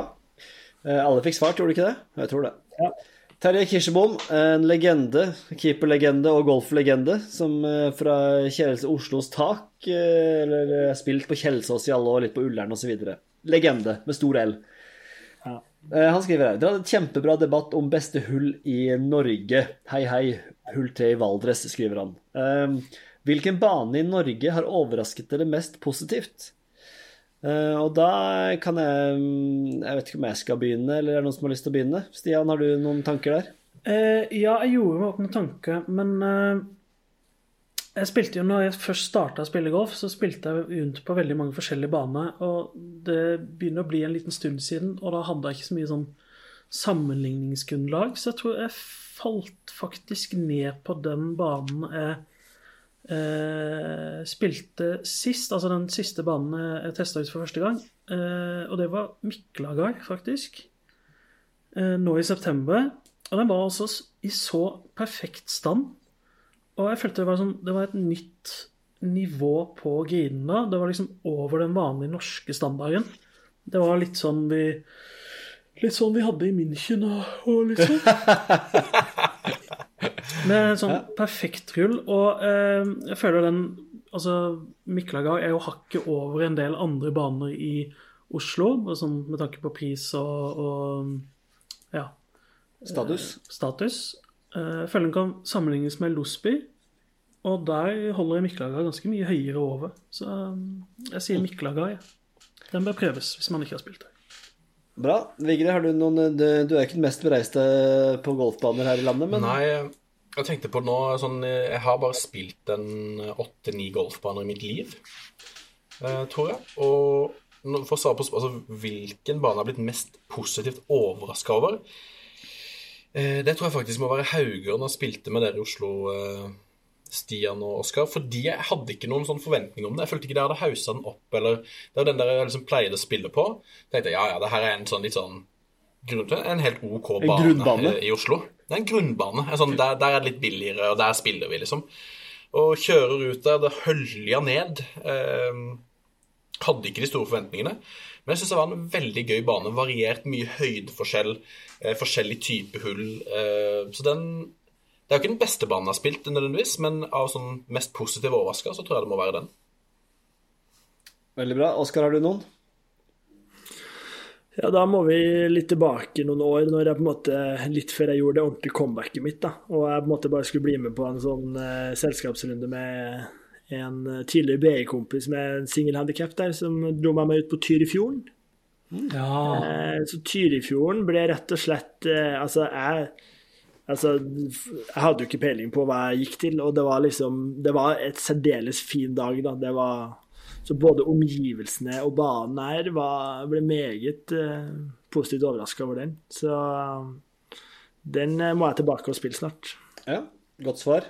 Uh, min tror jeg går til eh, Hafjell. Uh, det, var, var overraskende gøy og overraskende bra. Du, det var litt sånn Skulle spille en runde litt på hælen med en kamerat på familietur. Og skulle opp og kikke i Hafjell, opp i fjell, fjellskranten der. Så hadde de klart å trøkke inn en ganske fin nihulsbane i liksom der det var veldig bratt, eh, og med god stand og noen ordentlig gøye hull. Så jeg syns det var veldig artig å spille. Den hadde null forventninger. Altså ikke, dere må ikke reise dit og tenke at her er det typisk i Sawgrass, men eh, artig. eh, og bedre, bedre condition enn det jeg hadde forventa. Så den er kanskje det jeg er blitt mest overraska over. Bra. Eh, og så eh, har han også et spørsmål om beste bane i Norge ut fra forventningene. Og da skriver han ikke lov å svare Oppegård denne gangen, Øystein. Eh, men jeg har ikke altså, det ganske likt spørsmål? Er ikke det ganske likt, ja. Um, Overraska mest positivt, og ja Jeg vi, vi, ja, skal vi si at det går litt under det samme? ja. Nei, Eller så kan jeg, der kan jeg svare Kragerø. Ja, det kan du gjøre. Um, så har vi et spørsmål fra Per Arne Grimsby. Grimsby, jeg tenker bare engelsk fotball når jeg ser Grimsby. åh, Men uh, Tipper det er non-league eller noe sånt nå. Men han uh, har et spørsmål til oss um, som er ganske Premisset er ganske satt på et vis, men det er jo et spørsmål der som vi kan ta. Uh, hvorfor gjør 98,9% bare må, som, uh, som eh, del av Vær varsom-plakaten, så den 98,9 den, den er ikke faktasjekka, det er ikke dokumentasjon på 98,9 Hvorfor gjør 98,9% av golfere den feilen at de kjøper seg mer utstyr for å bli bedre enn å bruke noen tusenlapper på instruktør slash pro-timer? Og jeg kan jo bare si innlede kjapt med at jeg føler meg ekstremt truffet, på en måte. Ikke at jeg bruker så mye på utstyr, men eh, det sitter så langt inne for meg å ta pro-timer. Jeg har eh, tatt noen i USA for mange, mange år siden. Men eh, Hei sann. ja da, har noen greier der. Har noen, noen der, men jeg syns eh, den traff meg litt, så jeg har ikke noe godt svar på det. Jeg er enig, bare jeg burde brukt mer på pro-timer. Men eh, jeg har ikke så mye mer å tilføye. det er jo bare fordi det er gøyere med utstyr enn å bli belært av en flink fyr. Ja, altså varer jo Det koster 1000 kroner for en pro-time eller 500 eller hva det gjør for noe. Og så Det forsvinner jo etter en pro-time, mens utstyr det kan du sitte og kose deg med i lang tid. Men eh, jeg tror nok det er mange som har litt sånn som deg, Øystein, at de har litt stolthet på det. Vil kanskje finne ut av det sjøl. Og sitte heller og surfe litt på YouTube og sånne ting. Og så er det jo andre som mener at du kan ta ti forskjellige pro-timer, og du får ti forskjellige meninger. Sånn at eh, Men det å på en måte få litt sånn grunnleggende tips, tips and tricks tror jeg uansett eh, alle har godt av. Krem, krem til Vigre. Så du eh, som har fått sponsa en pro-time her, du må få ræva gir. Ja. Ja, Den kommer på nyåret, den. Men det er nok en feil mange gjør, ja. Det kan vi vel slå fast, Grødum. Absolutt. Jeg er helt enig. Jeg føler meg jo truffet. Jeg har hatt to pro-timer, men uh, brukt, brukt, flere tusenlapper på utstyret Ja, Den nye bestevenn, uh, Ja. laseren der. Men det er klart, når du går, på custom fitting, da, så er det litt sånn Du får nesten med en pro-time på kjøpet der, altså. Så fortsatt anbefalt. Nei, men eh, Per Arne Grimsby med en viktig påminner der, og et godt spørsmål, selv om det var, eh, premisset var litt satt. Så har vi en som ønsker å være anonym, for han eh, på ingen måte ønsker å bli nevnt i samme åndedrag som eh, Ole Andreas, eh, sin bror. Og da Men han er høyst anonym, da, må vi jo få med oss. Og da er han på jakt etter en drømmeflight. Hvilke aktive spillere ville dere valgt, og hvorfor? Hovland og Ludde er ikke lov for å få roet ned fanboy-stemninga litt. Og da kan vi begynne med Vi begynner med Vigre, da. Ja, den, det syns jeg var vanskelig, selvfølgelig. Det pleier jeg å si før hvert spørsmål. Um, hvem vil jeg egentlig gå med? Jeg vil uh, ikke gå med noen amerikanere. Det var det første jeg tenkte. Uh, og så tenkte jeg jeg vil gå med Ostoisen. Bare for å se en nydelig og perfekt sving uh, i 18 hull. Sånn, se det på nært hold. En så uanstrengt og fin sving. Ehm, selv om han går til Liv Toren, så, så blir han med. Og så vil jeg faktisk ha med John Ramm fordi jeg bare elsker John Ramm. Eh, og så vil jeg ha med Fleetwood bare for å høre de fine hjernene hans. Eh, og så liker jeg bare Fleetwood så godt. Så Det er faktisk de jeg har lyst til å ha med hvis jeg skal eh, på tur. Jeg hadde tenkt å være sånn der Å, jeg har lyst til å ha med Øystein, Oskar og Stian. Nei, jeg gadd ikke. Nei, det, det hadde ikke jeg kan heller. Da hadde vi vært ferdig her nå. Ja. Nei, men Ja, eh, det er- helt jeg liksom, jeg, jeg bare sånn komboen der var det sånn Jeg fikk liksom ikke helt sånn Jeg fikk ikke helt, jeg fikk ikke helt touchen på den. Jeg tror ikke det var kjempedynamikk. Nei, nei Det det er ikke noe tema, tema. Det er bare Jeg har lyst til å se svingen hans, og så syns jeg Ram er kul. Og så er Fleetwood deilig. Ja, min begrunnelse. Hvis du skal ha litt to mot to der, litt eh, skins til to mot to, litt lagspill der, du og Fleeter, da, med Tommy Ladd mot Ram Nei, jeg og Ram. Jeg og Ram. Du og Ram, ja. Ja, ja. Dere er ikke helt ulike i kroppsformen. Nei da. Han er litt høyere. To alen et stykke der. Uh, Finn, Uh, Stian? Ja, jeg har jo gått litt mer sånn temamessig, da. Uh, og det starta jo fordi at det første navnet jeg tenkte på, var Shane Lowry. Eh, Han er jo i ditt hode selvfølgelig hele tida. han er fortsatt i mitt hode. Eh, og det er ikke noen hemmelighet at vi ligner litt grann på hverandre. Fikk eh, noen kommentarer på det eh, på Ryder Cup. Det var ikke rent få som nevnte det, nei. Eh, Det ble nevnt. Um, og så må jeg ta med min andre andre lookalike på PGA-turen, Zack Blair. Ja. Og jeg glemte å nevne det, Stian. Han kom jo på 42.-plass, og han har jo en god pod nå med No Laying Up, og ja. er jo en mann som jeg har fått sansen for her nå. Han har jo Han var ikke så god den poden, da. Nei, den var ikke det. For de som er interessert i å starte sin egen golfklubb og lage sin egen bane, så er den jo midt i blinken. Ehm, er for det har, han, det har han gjort. Det er smalt. Enda smalere enn det vi holder på med. Ehm, men ja, og så da tenkte jeg da, da har vi to rødhåra godgutter her sånn. Hvem blir da den tredje? Og det, det er jo ikke så lett å finne. Jeg har jo googla Gingers PGA Tour og alt som er. Eh, og det beste som kom fram, det var Brent Snedeker. Ja. ja man er jo Han er ja, det er helt på grensa. Eh, Men han har jo fått eh, så et intervju med han hvor han fikk spørsmålet eh, hvorfor Eller om han følte at rødhåra var underrepresentert på PGA-turen. Eh, Og hvorfor, da. Så, så han mente jo at det var, det var mye timer ute i sola som kanskje gjorde at dette her eh, egentlig ikke er en sport som egner seg for sånne som oss. Eh, Men han får da den siste plassen i flighten. Så Han det er blir sånn Shane, som- Zack, Brant og meg sjøl.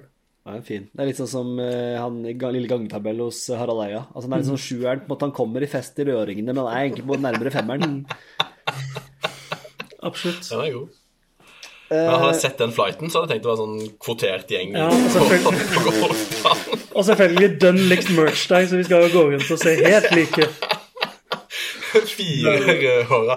Men det er, det landsforbundet til Sponsa Pittsburgh der. 50 pluss piss på. Ja, ja. Ja. Eh, den er fin. Bra tema. Jeg, jeg har ikke noe Jeg mobba Vigre litt for sin, men min er ikke noe sånn veldig mye bedre temamessig. Eh, jeg glemte eh, Det var et av de spørsmålene som jeg tok litt på hælen. Eh, men jeg har lyst til å spille med Charlie Woods. Eh, sykt fett å se en 14-15-åring som bare herjer. Og hvis du har med Charlie Woods, så har du mest sannsynlig Tiger Woods på bagen hans. og da får du han i bonus som en, mental, en coach. Så der får vi to i ett.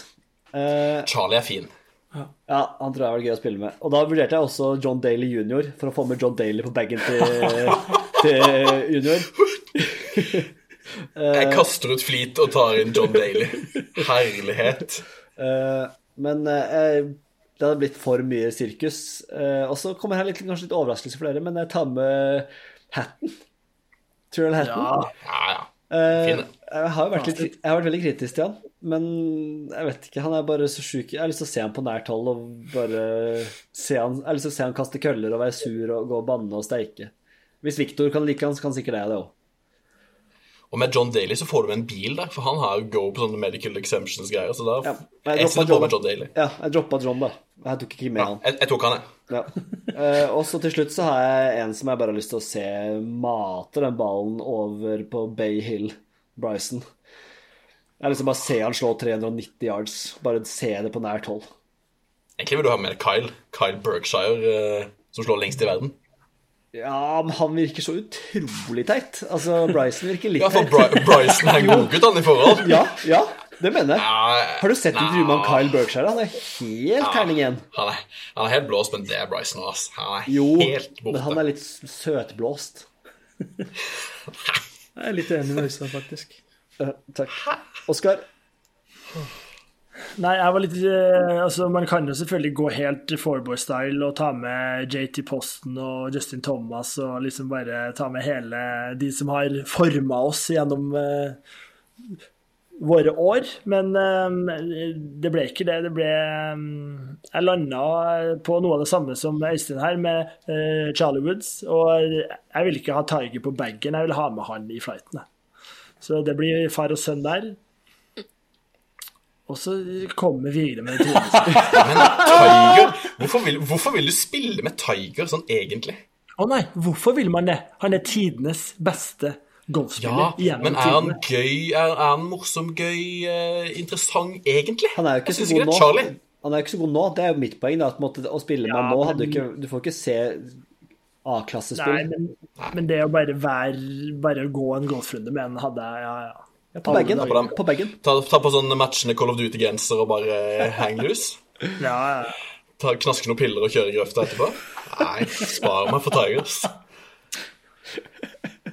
Du må huske for det en var, Vigre. Utro? Ja, Hvem er sistemann, Oskar?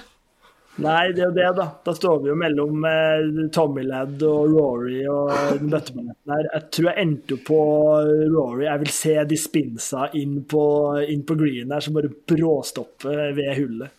Og det Så ja, det blir eh, Woods ganger to og eh, Rory McIlroy. Ja. Den er grei, den. Det er jo gøy flight. Det er jo Ja, morsomt. Det er jo, åp den er jo åpenbart ikke, ikke, ikke grei for Vigre. Ja, men den satt, Den jo- den satt ikke, var ikke indrefileten av en flight, syns jeg. Jeg synes de ikke, men eh, jeg syns jo Nei, Stian, det- Stian sitt tema var jo på en måte det som var gøyest. Ja. Men altså, Vigre kan nå kose seg med oist i Oysthoisten her, så den er grei, det. Nei, eh, fint spørsmål. Takk skal du ha, eh, Bjørn. Nei, sorry, du var anonym. Uh, så har vi siste spørsmål fra vår alles Frode W. Og det er et Det er ikke et kort spørsmål. Det er ikke et kort spørsmål. Uh, ja, skal jeg lese det i sin helhet? Jeg kan gjøre det. Dere hadde jo med en supersub på tur, eh, som angivelig vant europaturneen, altså bøtta når vi var i Europa. Den observante lytter fikk med seg at vedkommende lå relativt høyt oppe i handikapsystemet. Vi er alle stor fan av handikapsystemet og det unike konkurranseelementet som medfølger. Når man likevel konkurrerer mot noen som kan få seks poeng for å tråkle inn et par på et halvlangt par femhull, er dette tungt å svelge. Hvilke handicap, hvilket handikap eh, tenker i så fall redaksjonen at man må ned på for å få fullverdig uten en mine og bli regnet med i dansen i slike turneringer? Og det er et jækla godt spørsmål fra Ja, Frode godt. Det, det er så aktuelt og godt at det hjelper. Ja. Kan jeg bare innlede? Uh, hvis jeg hadde vunnet når vi spiller Dere ligger på rundt sånn uh, 12 til 14 i handikap. Jeg ligger nå på sånn 25. Hvis jeg hadde vunnet uh, bøtta, hadde jeg tenkt sånn her ah, Men jeg hadde jo ganske mange færre slag enn han, da. Nei, for det jeg kan, Min mening her, uh, hvis jeg kan komme med det, uh, er at det er noe helt En ting er på en måte å ha spilt en del og ha stabilisert seg på et nivå. En annen ting er å være på vei ned, eh, sånn som eh, eh, man er i starten. Sånn som for eksempel altså Jeg sier ikke at du ikke er på vei ned, eh, Vigre, men du har på en måte spilt færre runder eh, over tid, og på en måte det er der du ligger nå, frem til du begynner å spille Ja. mer. Uh, mens når du er på vei ned, så har du på en måte, som man sier, du har disse sekspoengene du kan få, og du kan få Og jeg, Arnstad spilte meget bra, uh, og så det er ikke til forkleinelse for han, for han fortjente å vinne på en måte, eller egentlig på alle måter, men han, han er eh, en eh, atletisk fyr som kommer til å spille seg fort ned i handikap. Og da kom den turen her på et glimrende tidspunkt på han. Så hvis du spiller mot folk som er på vei ned, som spiller mye og som vil bli gode i golf, så er det ekkelt å spille mot. Hvis du møter en 30-handikapper som spiller to ganger i året, da syns jeg det er greit. Så Det er for meg den store forskjellen. på, på en måte, Det er ikke et sånt tall, men det er hvor, om denne spilleren eh, gønner på å ha spilt 20 ganger for å komme seg ned i handikap eh, det året. Det er, det er det samme jeg tenkte på forhånd, at uh, så lenge det er et ekte, uh, etablert handikap Du kan jo selvfølgelig svinge litt, men hvis du liksom ukene før har gått fra 30 til eh, 25, og du er på vei ned til 20, så er det jo et eh, falskt handikap. Ja, for du går jo ikke ned eh, Stian, du nikker og, og, og sånn, men du går jo ikke ned tilsvarende så godt du spiller. Nei, Så hvis du på en måte tar store grep og har gjort masse range-arbeid, og du på en måte har funnet ut av ting, og du er på vei ned fra 40 til 30 f.eks., eh, så går du ikke ned fra 40 til 30 på én runde. Du må spille en del runder, men du kommer til å spille som en 30-handikapper en stund likevel. Ja. Nei, jeg er helt enig med akkurat det du sa. Det var det jeg òg skulle si. Um, uh, men så tenker jeg sånn, hvis man skal så sånn generelt, da, så tenker jeg sånn når man kommer seg under 20-tallet i handikap, da er det ikke så stor forskjell eh, fra der ja, når man kommer nærmere tid, da. Da er det liksom Ja, kanskje man har to slag ekstra på eh, de vanskeligste hulla, og noen andre kanskje har ett mindre på de letteste hulla. Eh, og da liksom Da blir det ganske jevnt uansett, da. Enn at hvis man har liksom tre tildelte på, på noen hull og ender opp med et par, så ja. Jeg føler det, det skiller mest er når du er en som ligger på høyt 40 eh, i handikap, og så spiller du et litt kort par tre-hull. Ja. Eh, og så får begge par og så, liksom, de, Det er de korte par tre-hullene. Sånn, Høyhandikappene liksom får med seg så veldig mye mer poeng. Og, Og, og, og mye skins vi- i tillegg. Ja, for det vi som spiller skins, det er jo et viktig poeng her når du spiller for penger på hvert hull, og du, vi deler eh, Jeg og Oskar og Stian vi ligger på en relativt eh, likt handikap. Vi, har ikke- vi har sjelden mer enn ett slag på noen hull. Eh, nesten aldri, vel. Det skal, da skal banen være ekstremt vanskelig. Eh, og da på en måte deler vi så mange hull at eh, hvis du har det der korte par tre-hullet med jevne mellomrom, så er det nesten vanskelig å ikke ta det.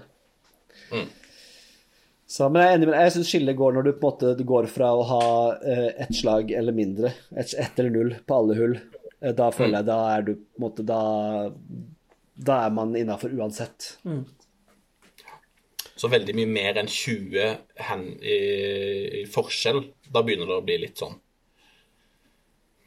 Vil Ja. ikke si det. Da har de plutselig to slag mer enn det på diverse hull. Når det er over 18-20 i handikap forskjell på spillerne.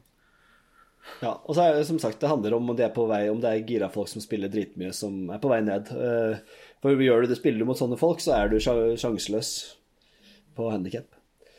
Jeg husker jeg vant jo Crick Open en gang for tida. Ganske raskt etter, kanskje et par år etter jeg begynte å spille. Og da var jeg på vei ned. eh, Og da spilte man jo på handikap. Jeg slo Arild Kjørve og gjengen, eh, som hadde spilt lenge. Eh, Og da vant jeg jo på fordi jeg var på vei nedover. Har for, for øvrig den vandrepokalen stående i garasjen ennå, så den skulle gått videre. Virkelig jeg skulle arrangere neste turnering, så jeg får beklage til alle de som er golfpunch i Krik. Den pokalen ble stående hos Bjerkestrand.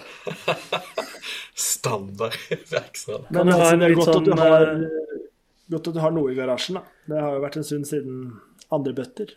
Vi kan ha det som en sånn liten side, sidepott på, på Four Boys uh, Open Invitational. Beste krikke for trofeet. Faktisk. Men eh, nå har vi svart på disse gode spørsmålene. Vi må kåre en eh, vinner. Ja, du har noe du skal innspill, eh, Vigre? Jeg kan slenge inn et ekstra spørsmål. Det har jeg hatt liggende siden august, eh, faktisk. Eh, Fått inn et spørsmål som jeg bare føler vi, jeg, må, jeg må få det unna. Eh, og det er rett og slett en kjenning av oss alle som har lagd en helsikes til liste med sånn 30-40 golfere, og vært inne og sjekka hvor mange følgere de har på Instagram. Oi. Og da er det altså 14 spillere eh, per august. Jeg tipper kanskje Hovland har flere følgere nå etter eh, sine seire. Eh, det er 14 spillere per 28. august som har flere følgere enn Viktor Hovland. Så da blir det quiz mellom dere der du ryker ut hvis du bommer, sånn som vi har gjort det tidligere. Stian, Stian starter. Da snakker vi på Instagram. På Instagram. Ja. Um... Viktor har 545 000 følgere.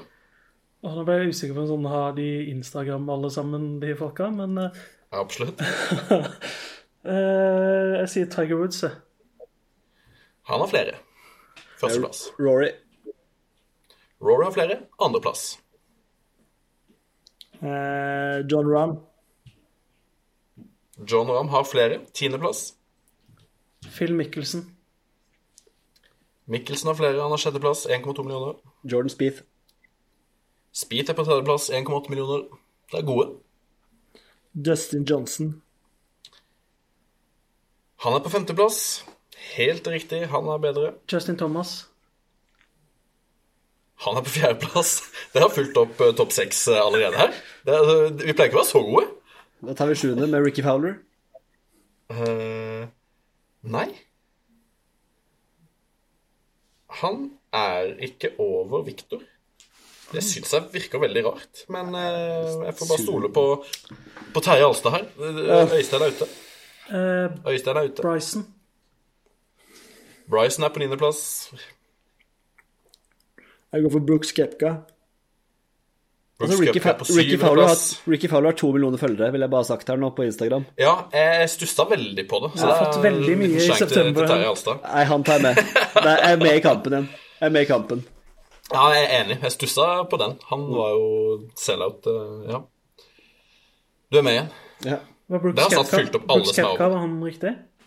Absolutt. Syvendeplass. 1,2 millioner. Eh, ja, det vet ikke om jeg ville Vet ikke om jeg ville Nå begynner det å bli tøft her.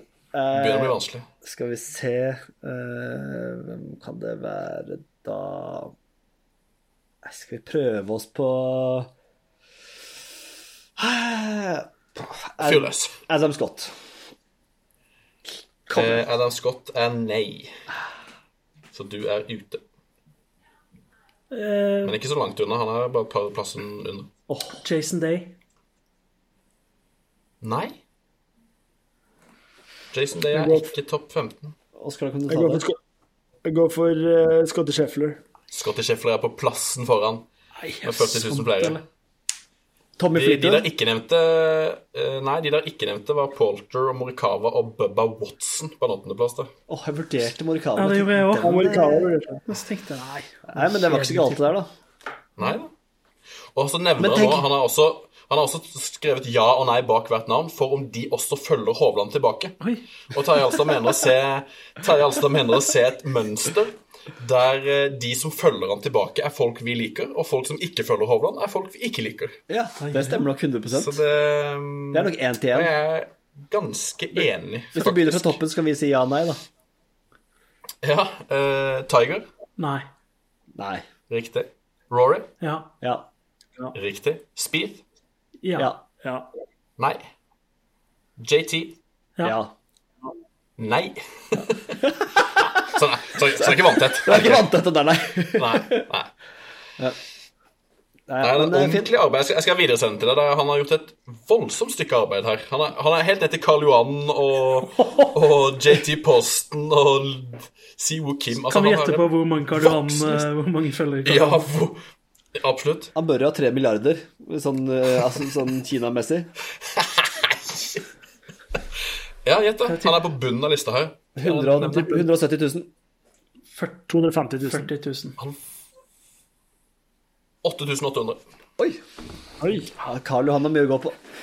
Ja, men eh, Vi må ture videre, gutter. Vi må kåre et vinnerspørsmål her, da. Eh, Det er jo det vi skal gjøre, å dele ut noen baller og kanskje et krus også, hvis vi ikke blir enige.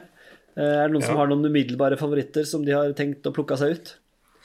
Altså, hvis jeg, hvis jeg skal måte gi eh, to og én poeng Jeg vet ikke hvordan vi skal løse det. Ja, det var lurt. men, eh, Det var lurt. Det var lurt. Hvis jeg skal gjøre det, så går to poeng til eh, Frode W. Så går ett poeng til uh, Johannes Voldseth.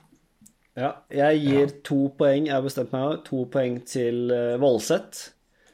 Eh, og ett poeng til uh, Eivind Hovland om ektefellene, hvordan de smøres. Jeg syns det ble såpass artig. Ja.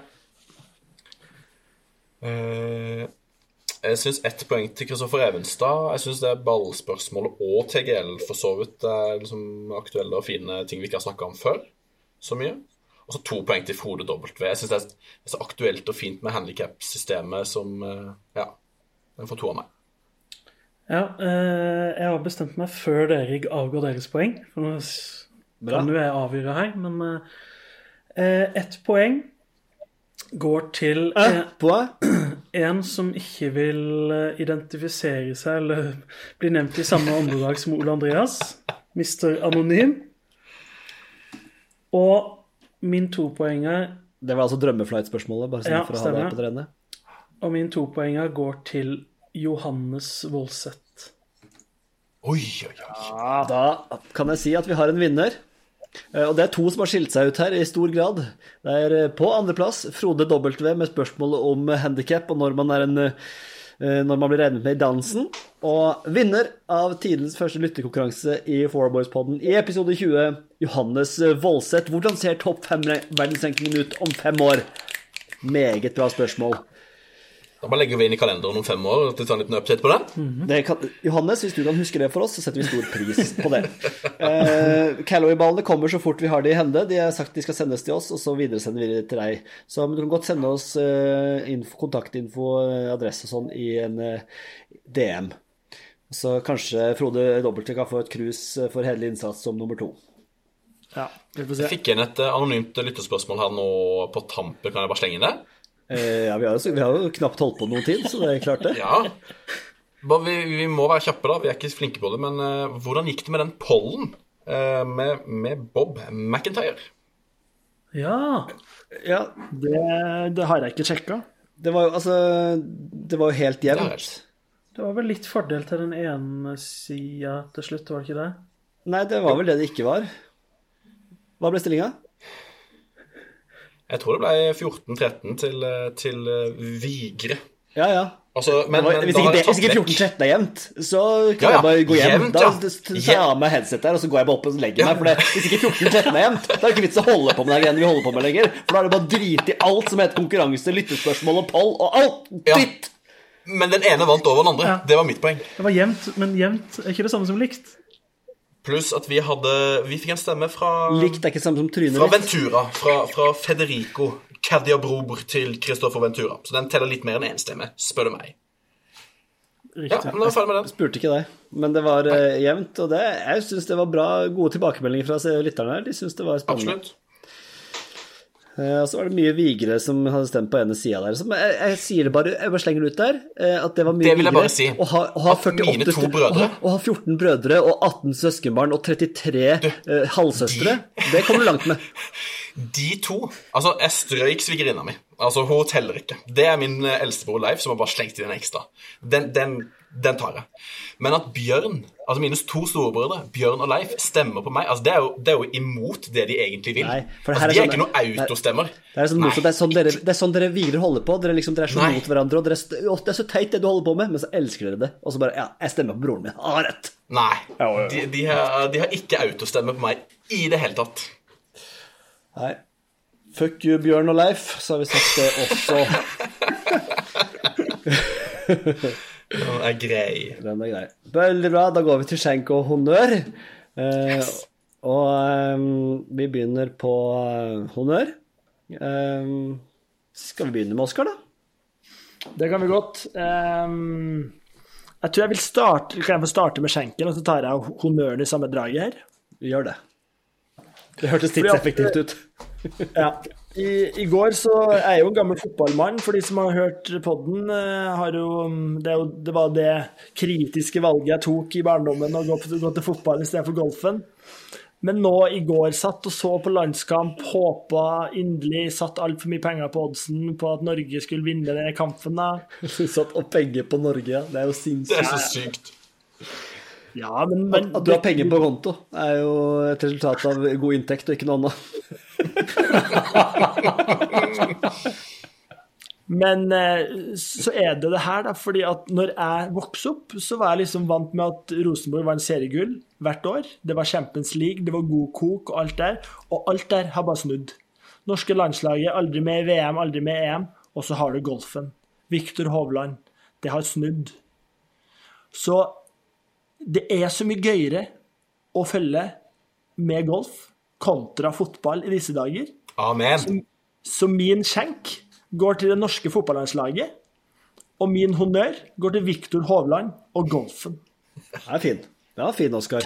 Den har jeg tenkt på. Og takk og farvel, altså. Det er liksom Nei, det er Så eh, ja. Nei, så det er bare å eh, Alle fotballkamerater, kom dere over på golfkjøret. Kamerater, bli med. Kamerater. Stig? Ja, eh, jeg kan jo gjerne ta sånn begge to i samme veiven. Eh, Ja. For de handler litt eh, De er litt eh, om samme tema. For forrige uke så kom nyheten om at eh, OWGR, eller Official World Golf Ranking, som det står for, nok en gang har avslått Liv sin søknad om å bli tellende på verdensrankinga. Vigre nevnte det så vidt i innledninga her, men det begynner å bli en halvannen time siden, så greit å påminne folk om det igjen. Det vil jo altså si at livgolfere, som ikke har vunnet en major nå nylig, ikke blir å se i noen majors neste år. Eh, sånn som DJ, Cam Smith, Brooks eh, og vel også Phil Mickelson, om jeg ikke husker feil, eh, kommer til å spille. Men sånn som Patrick Reed og Taylor Gooch får vi dessverre ikke se. Å nei! Men en gledens dag, altså, for de som er glade i konkurransedrevet sport. En sport der spillere som Zack Blair har muligheten til å bli en legende. En sport hvor alle har en mulighet til å kvalifisere seg til og også vinne turneringer. Og ikke en sport der de med mest penger eller best forutsetninger vinner hver gang. Hei, hei, Formel 1! Men eh, det var altså en Jeg honnør satire på det helt øverste plan. Eh, honnøren går altså til eh, eh, OVGR, som, som avslo den. Om, Står på sitt. ja. Og mens vi er en svipptur innom Liv her, da, så kommer skjenken. Chase Kepka, lillebroren til Brooks Kepka, har i løpet av dette kalenderåret dratt inn ca. 3,5 million dollar på å nesten komme sist i hver eneste turnering på Liv-touren. Altså skada. Til sammenligning så tjente han drøyt 300 000 dollar, dollar på de eh, syv åra han Jeg vil ikke si at han var på PGA-turen, men eh, spilte turneringer på PGA-turen. Sjukt. Før han da gikk til Liv. Han har en samla score på, for året 47 over par. Eh, til sammenligning så har broren Brooks gått 92 under par. Eh, han var ikke den beste. Eh, han har fått ett poeng i Liv-cupen, eller hva det er når de kaller det de greiene de holder på med. Taylor Gooch vant med 192 poeng, så et stykke bak der, da. Men allikevel så er det ikke Chase som får denne skjenken. Han har nemlig rykka ned, eh, eller mista livkortet sitt, som en av de dårligste spillerne. En av de fire dårligste spillerne. Eller det vil si eh, de fire dårligste spillerne som ikke er lagkaptein, eller har spesifisert i kontrakten sin at de eh, ikke kan rykke ned. Eh, ja, for de kaller det nedrykk, eller relegation. Men det finnes jo ikke noen sånn førstedivisjon for Liv, så vidt meg bekjent i hvert fall. Ikke noe Livianship eller Segunda Liv eller noe i den uh, durien-durien der. Eh, Martin Kaime, hei hei hvis du hører på. Du klarte det kunststykket av å være dårligere enn Chase Kepka gjennom sesongen. Null poeng. Og stort sett å finne på noen og 40.-plass gjennom hele sesongen. Han får selvfølgelig fortsette neste sesong, for han er kaptein for det ene laget. Og samtidig så sitter Liv-spillerne og lurer på hvorfor de ikke får verdensranking, uh, på turen sin. Forbanna idioter. Skjenken ikke til de. Ja, Martin Keimer, Liv. Keimer, Ja. Og de er så idioter. Altså, de, de, de vet De får en liste fra OVGR. Dette er kriteriene for å få poeng som teller på verdensrankinga. Og hovedankepunktet er det må være mulig å kvalifisere seg inn. Det må være et åpent konkurranseelement her for at det skal telle. Og så prøver de seg, og så selvfølgelig får de avslag. Det, det, det jeg, jeg, jeg, de er så dumme. Men De vet hva som skal til for å få poeng, og så gjør de ikke det som skal til for å få poeng. Og så men klager de. kan jeg være litt djevelens advokat der? Eh, for jeg hater jo alt dette her, jeg også. Men samtidig så er det litt sånn Altså, det forslaget For det på, på, altså jeg, jeg mener jo ikke at livet er rett eller noe som helst, så det er ikke noe forsvar. Men jeg, jeg, jeg syns jo det er kjedelig hvis vi i framtida ikke får de beste image-turneringene. Det må jeg på en måte innrømme. Jeg syns det er kjedelig hvis ikke Og da, det Bryson sa om at topp ti, f.eks., topp fem, et eller annet sånt kunne fått For du er på en måte alltid trygg på at det er eh, en viss kvalitet i feltet. Så det kunne vært delt ut noe Altså, jeg på en måte men det kan ikke måles lenger. Nei, jeg det er de skjønner, samme jeg, jeg, skjønner, altså. jeg skjønner argumentene mot, men jeg syns det er kjedelig hvis vi går mot en Jeg tror nok vi gjør det, men hvis vi går liksom neste ti år, altså at eh, mange av de kule, eller kuleste, men kanskje mest interessante spillerne ikke får spille sånn hvis, ja, Nå får jo Brooks spille de fleste pga. vunnet osv., men det er jo kjedelig å ikke få se Bryson spille major-turneringer, f.eks. Jeg må jo si det. Men det her var de jo klar over når de takka Ja, ja, jeg er enig i alt det der.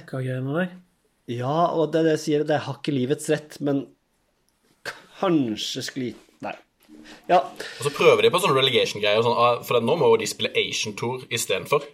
Uh, I hvert fall for en periode. og Noe. Det er, de prøver seg på en sånn her relegation, og du går an Det er ikke et like lukka system lenger. Nei, de men skulle ha en turnering i slutten av november hvor man da kunne kvalifisere seg til de da fire åpne plassene, eller hva det er for noe nå.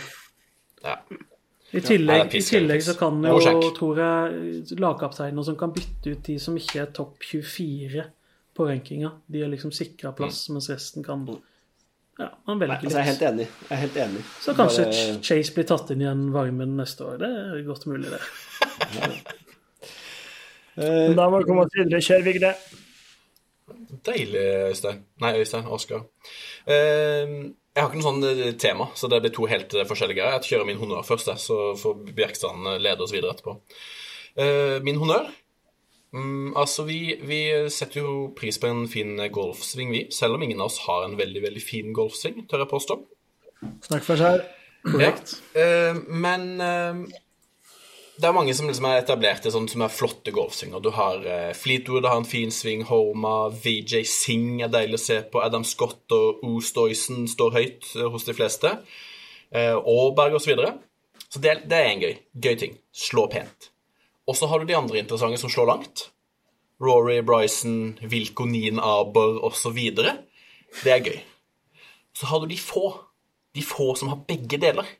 De som slår griselangt, og så ser det uanstrengt og fint ut i tillegg. Rory er sånn bobler der, på en måte. Han, han slår griselangt, og så er det fint å se på, men det er ikke så uanstrengt. Han spilte nå i helga. Han slår altså average på 190 eh, i ballspeed. Eh, ja, Stian, du nikker, for du vet hvem vi skal snakke om her nå. Det er Cameron Champ. Altså, det er så uanstrengt og fint når han slår. Altså, dere som har sett på TV, da, når du slår, så kommer du oftest ballspeed med en gang. Og han, når han er ferdig med å slå, så forventer du sånn ja, vet ikke, 172. Det så ut som en average ballspeed-sving, og så bare dunker den 190 hver eneste gang. Så uanstrengt og så langt. Han slår ikke rett, men det er vi ikke så nøye med. Det skal se fint ut, og det skal være tøft og langt. Så Cameron Champ, han, eh, han setter jeg pris på. Ja, jeg setter også pris på Cameron Champ. Absolutt. Skal du ta skjenken i slengen, eller skal jeg ta min honnør? Ta din honnør, så tar vi to våre skjenker etterpå. Uh, ja, jeg har, når jeg satt med her, så fant jeg bare på fire skjenks og ingen honnørs. Men, uh, men jeg har altså nevnt det før, uh, og den har bare, det merka seg spesielt igjen. og Det er litt sånn snikskryt på et, et vis, men dette med green gafler blir så mye viktigere nå på, på senhøsten. Eh, gode green gafler. Det er god snikskritt. Fordi eh, Men det er egentlig bare det at de tjukke der Jeg prøvde en sånn tjukk en, da jeg spilte- jeg traff én green, så det var ikke all verden å skryte av. Men vi hadde sånn, fant, rota opp i bagen og fant en sånn tjukk en. Altså, du får jo ikke det til på de harde greenene som er nå. Så Nei. Eh, men shanken skjenken eh, går til eh, meg selv på, av to grunner. Eh, grunn A At du har viseren feil vei nå. For det ser helt sjukt ut. Tre, tre grunner. For å si det sånn, Vigre, jeg har allerede knipsa et lite bilde. Eh, tre grunner at jeg viseren sånn. Uh, grunn A er at jeg ikke Altså, eh, det, i natt Jeg skulle holde meg oppe. Jeg gleder meg til å se Tom Kim vinne og skulle ta eh, kose meg med å vinne Drive off the deck og alt mulig. Skulle sende masse snaps og stories og alt mulig. Sier til kona jeg går ned og ser litt eh, golf i ellevetida der. Går ned. Er ikke snakk om. Kvart over elleve. Er helt ferdig. Våkner til Shanghai Masters klokka halv tre på reprise på Eurosport. Klokka halv tre. Altså, det var Jeg ble så skuffa. Jeg måtte spole tilbake for å se Tom Kim spille vinnerhullet og sånn, liksom. Eh, Men, men du gjorde det halv tre? ja, det gjorde jeg. Ja, det er sterkt. For. Shanghai Masters var ikke så ueffen den heller, skal jeg si det. Nei, jeg var så Men jeg, bare, jeg klarer ikke å holde meg våken lenger. I gamle dager skulle jeg bare sitte og se på golf uendelig, men jeg bare sovner. Så jeg må jobbe med meg selv. da. Ja, ellers må jeg begynne med mer energidrikker. Og det andre, andre skjenken er jo en du gjorde meg oppmerksom på i går, eh, Vigre. Eh, som eh, Jeg har vært på Ryder Cup, jeg har forberedt dette i to år. Jeg har kalt den banen Marco Simione. Og skrevet Marco Simione. Som i Diego Simione. Eh, så Men nå begynner det å bli ulikt. Skrives Diego Simione med det? E? Eller gjør ikke det den, eller? Vil jeg bare ha er Simione på alt? Det er jeg litt usikker på. Tror du, jeg, jeg føler veldig sånn du skal si det så italiensk som mulig, så du slenger på Simione. Men Eh, eh, jeg har hørt deg si det flere ganger, men det var først når Jo. du skrev det, at jeg skjønte at det var feil. Diego Simione skriver med E, så Ja. det kan hende det er derfra. Men ja. så skjenk til meg selv for at jeg ikke kan navnet på den mannen For Men- det er jo bare for eh, Oscar og alle tidligere fotballgutter eh, så husker man kanskje den eh, italienske spissen Marco Simone, som heter det samme som banen heter. Men det er ikke han den er oppkalt etter. En litt sånn grei nok spiss, men var jo aldri helt suveren der. Eh, Det husker jeg faktisk ikke. Nei, spilte Lag, Milan- Lazio, Parma, Milan, i hvert fall. Milan. AC Milan. CM der. I, som de fleste italienske spisser, så har han vel en dryss med klubb eh, på CV-en. Skjenk og Vigre. Jo um, vi, skal til, vi skal til Hovlandsverden. Eh, som vi husker, så var jo han eh, herja når han kom på toren. Lang driver, god med jerna, sleit med nærspillet. Det var liksom tydelig etablert. Han snakka om det sjøl. I suck at chipping osv. Eh, og så fikk han seg ny trener i starten av det året her. Joseph Mayo. Som eh, fikk orden på sakene overraskende fort. Men er det, på grunn av eller på tross av at han har asperger? Det vet jeg ikke. Ehm, men Hovland hyller han. Uh, og veldig fornøyd. Og han, nå har han blitt forklart teorien rundt det, og han skal slå brattere ned på ballen og mer spinn, og Joseph Mayo liksom, og han har fiksa nærspillet mitt. og og alle er egentlig enige om det, og det har fått ganske mye oppmerksomhet. Hovland hadde det som en svakhet, nå er det liksom blitt en styrke, bla, bla, bla. Det, men, men nå er det nok. Uh, Joseph Mayo, for min del, han er en forferdelig fyr. Altså uh, vi, vi, kan starte med hvor, hvor sånn selv, Han har den derre oss mot verden-mentaliteten uten at den fins. Ehm, det er først og fremst på storyen hans. Jeg angrer på at jeg ikke har eh, screenshot flere av dem. Men han har flere ganger, når Hovland spiller, lagt ut sånn derre eh, strokes gained-statistikk og markert Hovland. Og så ligger han på, liksom, på plussida, da. Og så står det sånn Do you believe us now? Ja. Og, og veldig sånn derre hva er det? Ingen, alle er jo enige. Alle hyller Joseph Mayer. Alle, alle, han, får, han, han, er den treneren, nærspillstreneren som har fått mest oppmerksomhet så lenge jeg kan huske. Og alle hyller han fordi han har gjort om hele Hovland sin nærspill.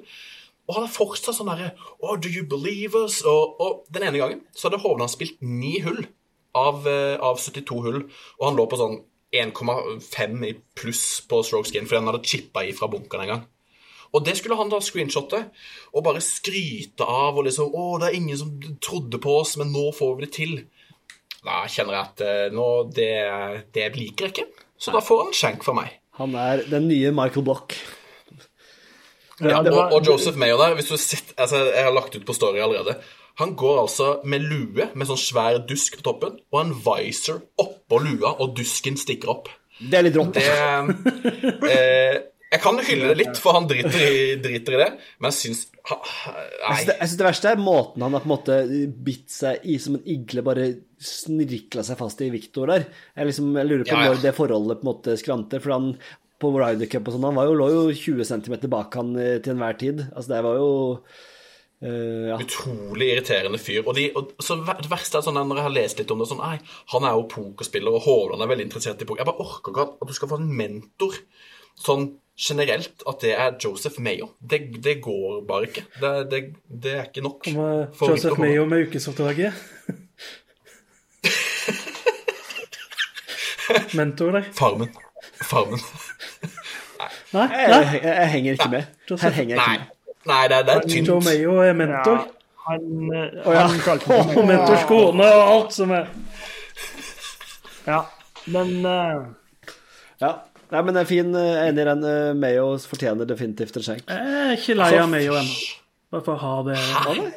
Men du, følger du han på Instagram? Nei. Nå er det en ny fyr han liksom har Nei, så, nei da, da, ikke gjør det heller, for da tåler du kanskje Mayo. For nå er det en ny fyr han Å, han fikk ny steep angle of attack. Uh, skryter av all skryten han får. Men jeg, så, nei, men jeg tror ferdig. Det kan jo hende Nå lanserer jeg bare en teori her, men eh, jeg tror jo ikke at eh, Nå husker jeg ikke hva den forrige treneren til Viktor het. Eh, han, var, uh, han, er jo stor, respektert trener, han òg. Ja, men han ble var... kasta kanskje litt under bussen av Viktor. Og det kan jo hende at Mayo har fått litt sånn Ja, at han ikke er helt stjerna i det trenermiljøet der borte, da. Og at folk har vært litt usikre til han og sånt. Så skjønner jeg kanskje at han ja. skaper seg det verdensbildet som han gjør. Men så er det så lenge han ja, altså, gjør sånn Hovland bedre Trackman maestro så... blir han liksom kalt. Ja. ja, nei, det er ikke Jeg, jeg også, men eh, Jeff Smith hadde, ja. var trener for han en stund. Mm. Men eh, ja, eh, vi må runde av. Vi nærmer oss to timer, så det, er, det tror jeg er godt innafor. Vi må kanskje jobbe litt med lengden på disse episodene våre. Det tar vi til etterretning og jobber med stadig vekk, men vi får se om det blir noe av. Uh, til slutt så har vi Driver of the Deck. Det er jo en litt mer spennende turnering som kommer nå. Det er SoSo Championship uh, med Vigre som uh, Er det trofé fint eller stygt eller stort eller lite, syns du, Vigre? Nei, det er svært og rart og stygt, det. Ja, det men det er gøy. Men nå får vi en turnering med et ganske godt felt, mye artige spillere. Og hvem er det som er først i rekka å velge, Oskar? Det er deg. Det er Bekkstrand, det. Er det meg, ja? Jeg håpet jeg var sist, for jeg har valgt en outsider her. Men jeg tror Eric Cole nå tar sin første seier. Eric Cole. Da er det Ole Andreas Vigre, nummer to. Jeg har tatt eh, Min Woo Lee. Han vant nettopp i Asia, og han er fet fyr. Han er din, han er din Woli, han, altså. Han er, han er det. Eh, ja, det er andre, andre Ja, det- uka på rad du tar den jeg har tenkt å ta. Det gikk jo ikke veldig bra for verken du eller jeg forrige gang. Men eh, da tar jeg Sung Jae Im. Det er på tide at Immeren stepper opp og, og vinner igjen. Vi skal til de østlige breddegrader her, ja. Ja da. Det skal vi visst. Altså, hadde, det vært før Ryder Cup det her, så tror jeg jeg hadde tatt Sander Sjøfle. Men uh, han uh, klarte faktisk å eh, gjøre seg såpass brekkekkel borti Roma der. At, Brekkel? brekkekkel. Så når, når du er bestekompis med Patrick Cantley og går uten caps og bare er esse i ganen, så det blir nei. Eh, Så jeg går for eh, min kjære gode Keegan. Keegan Bradley der.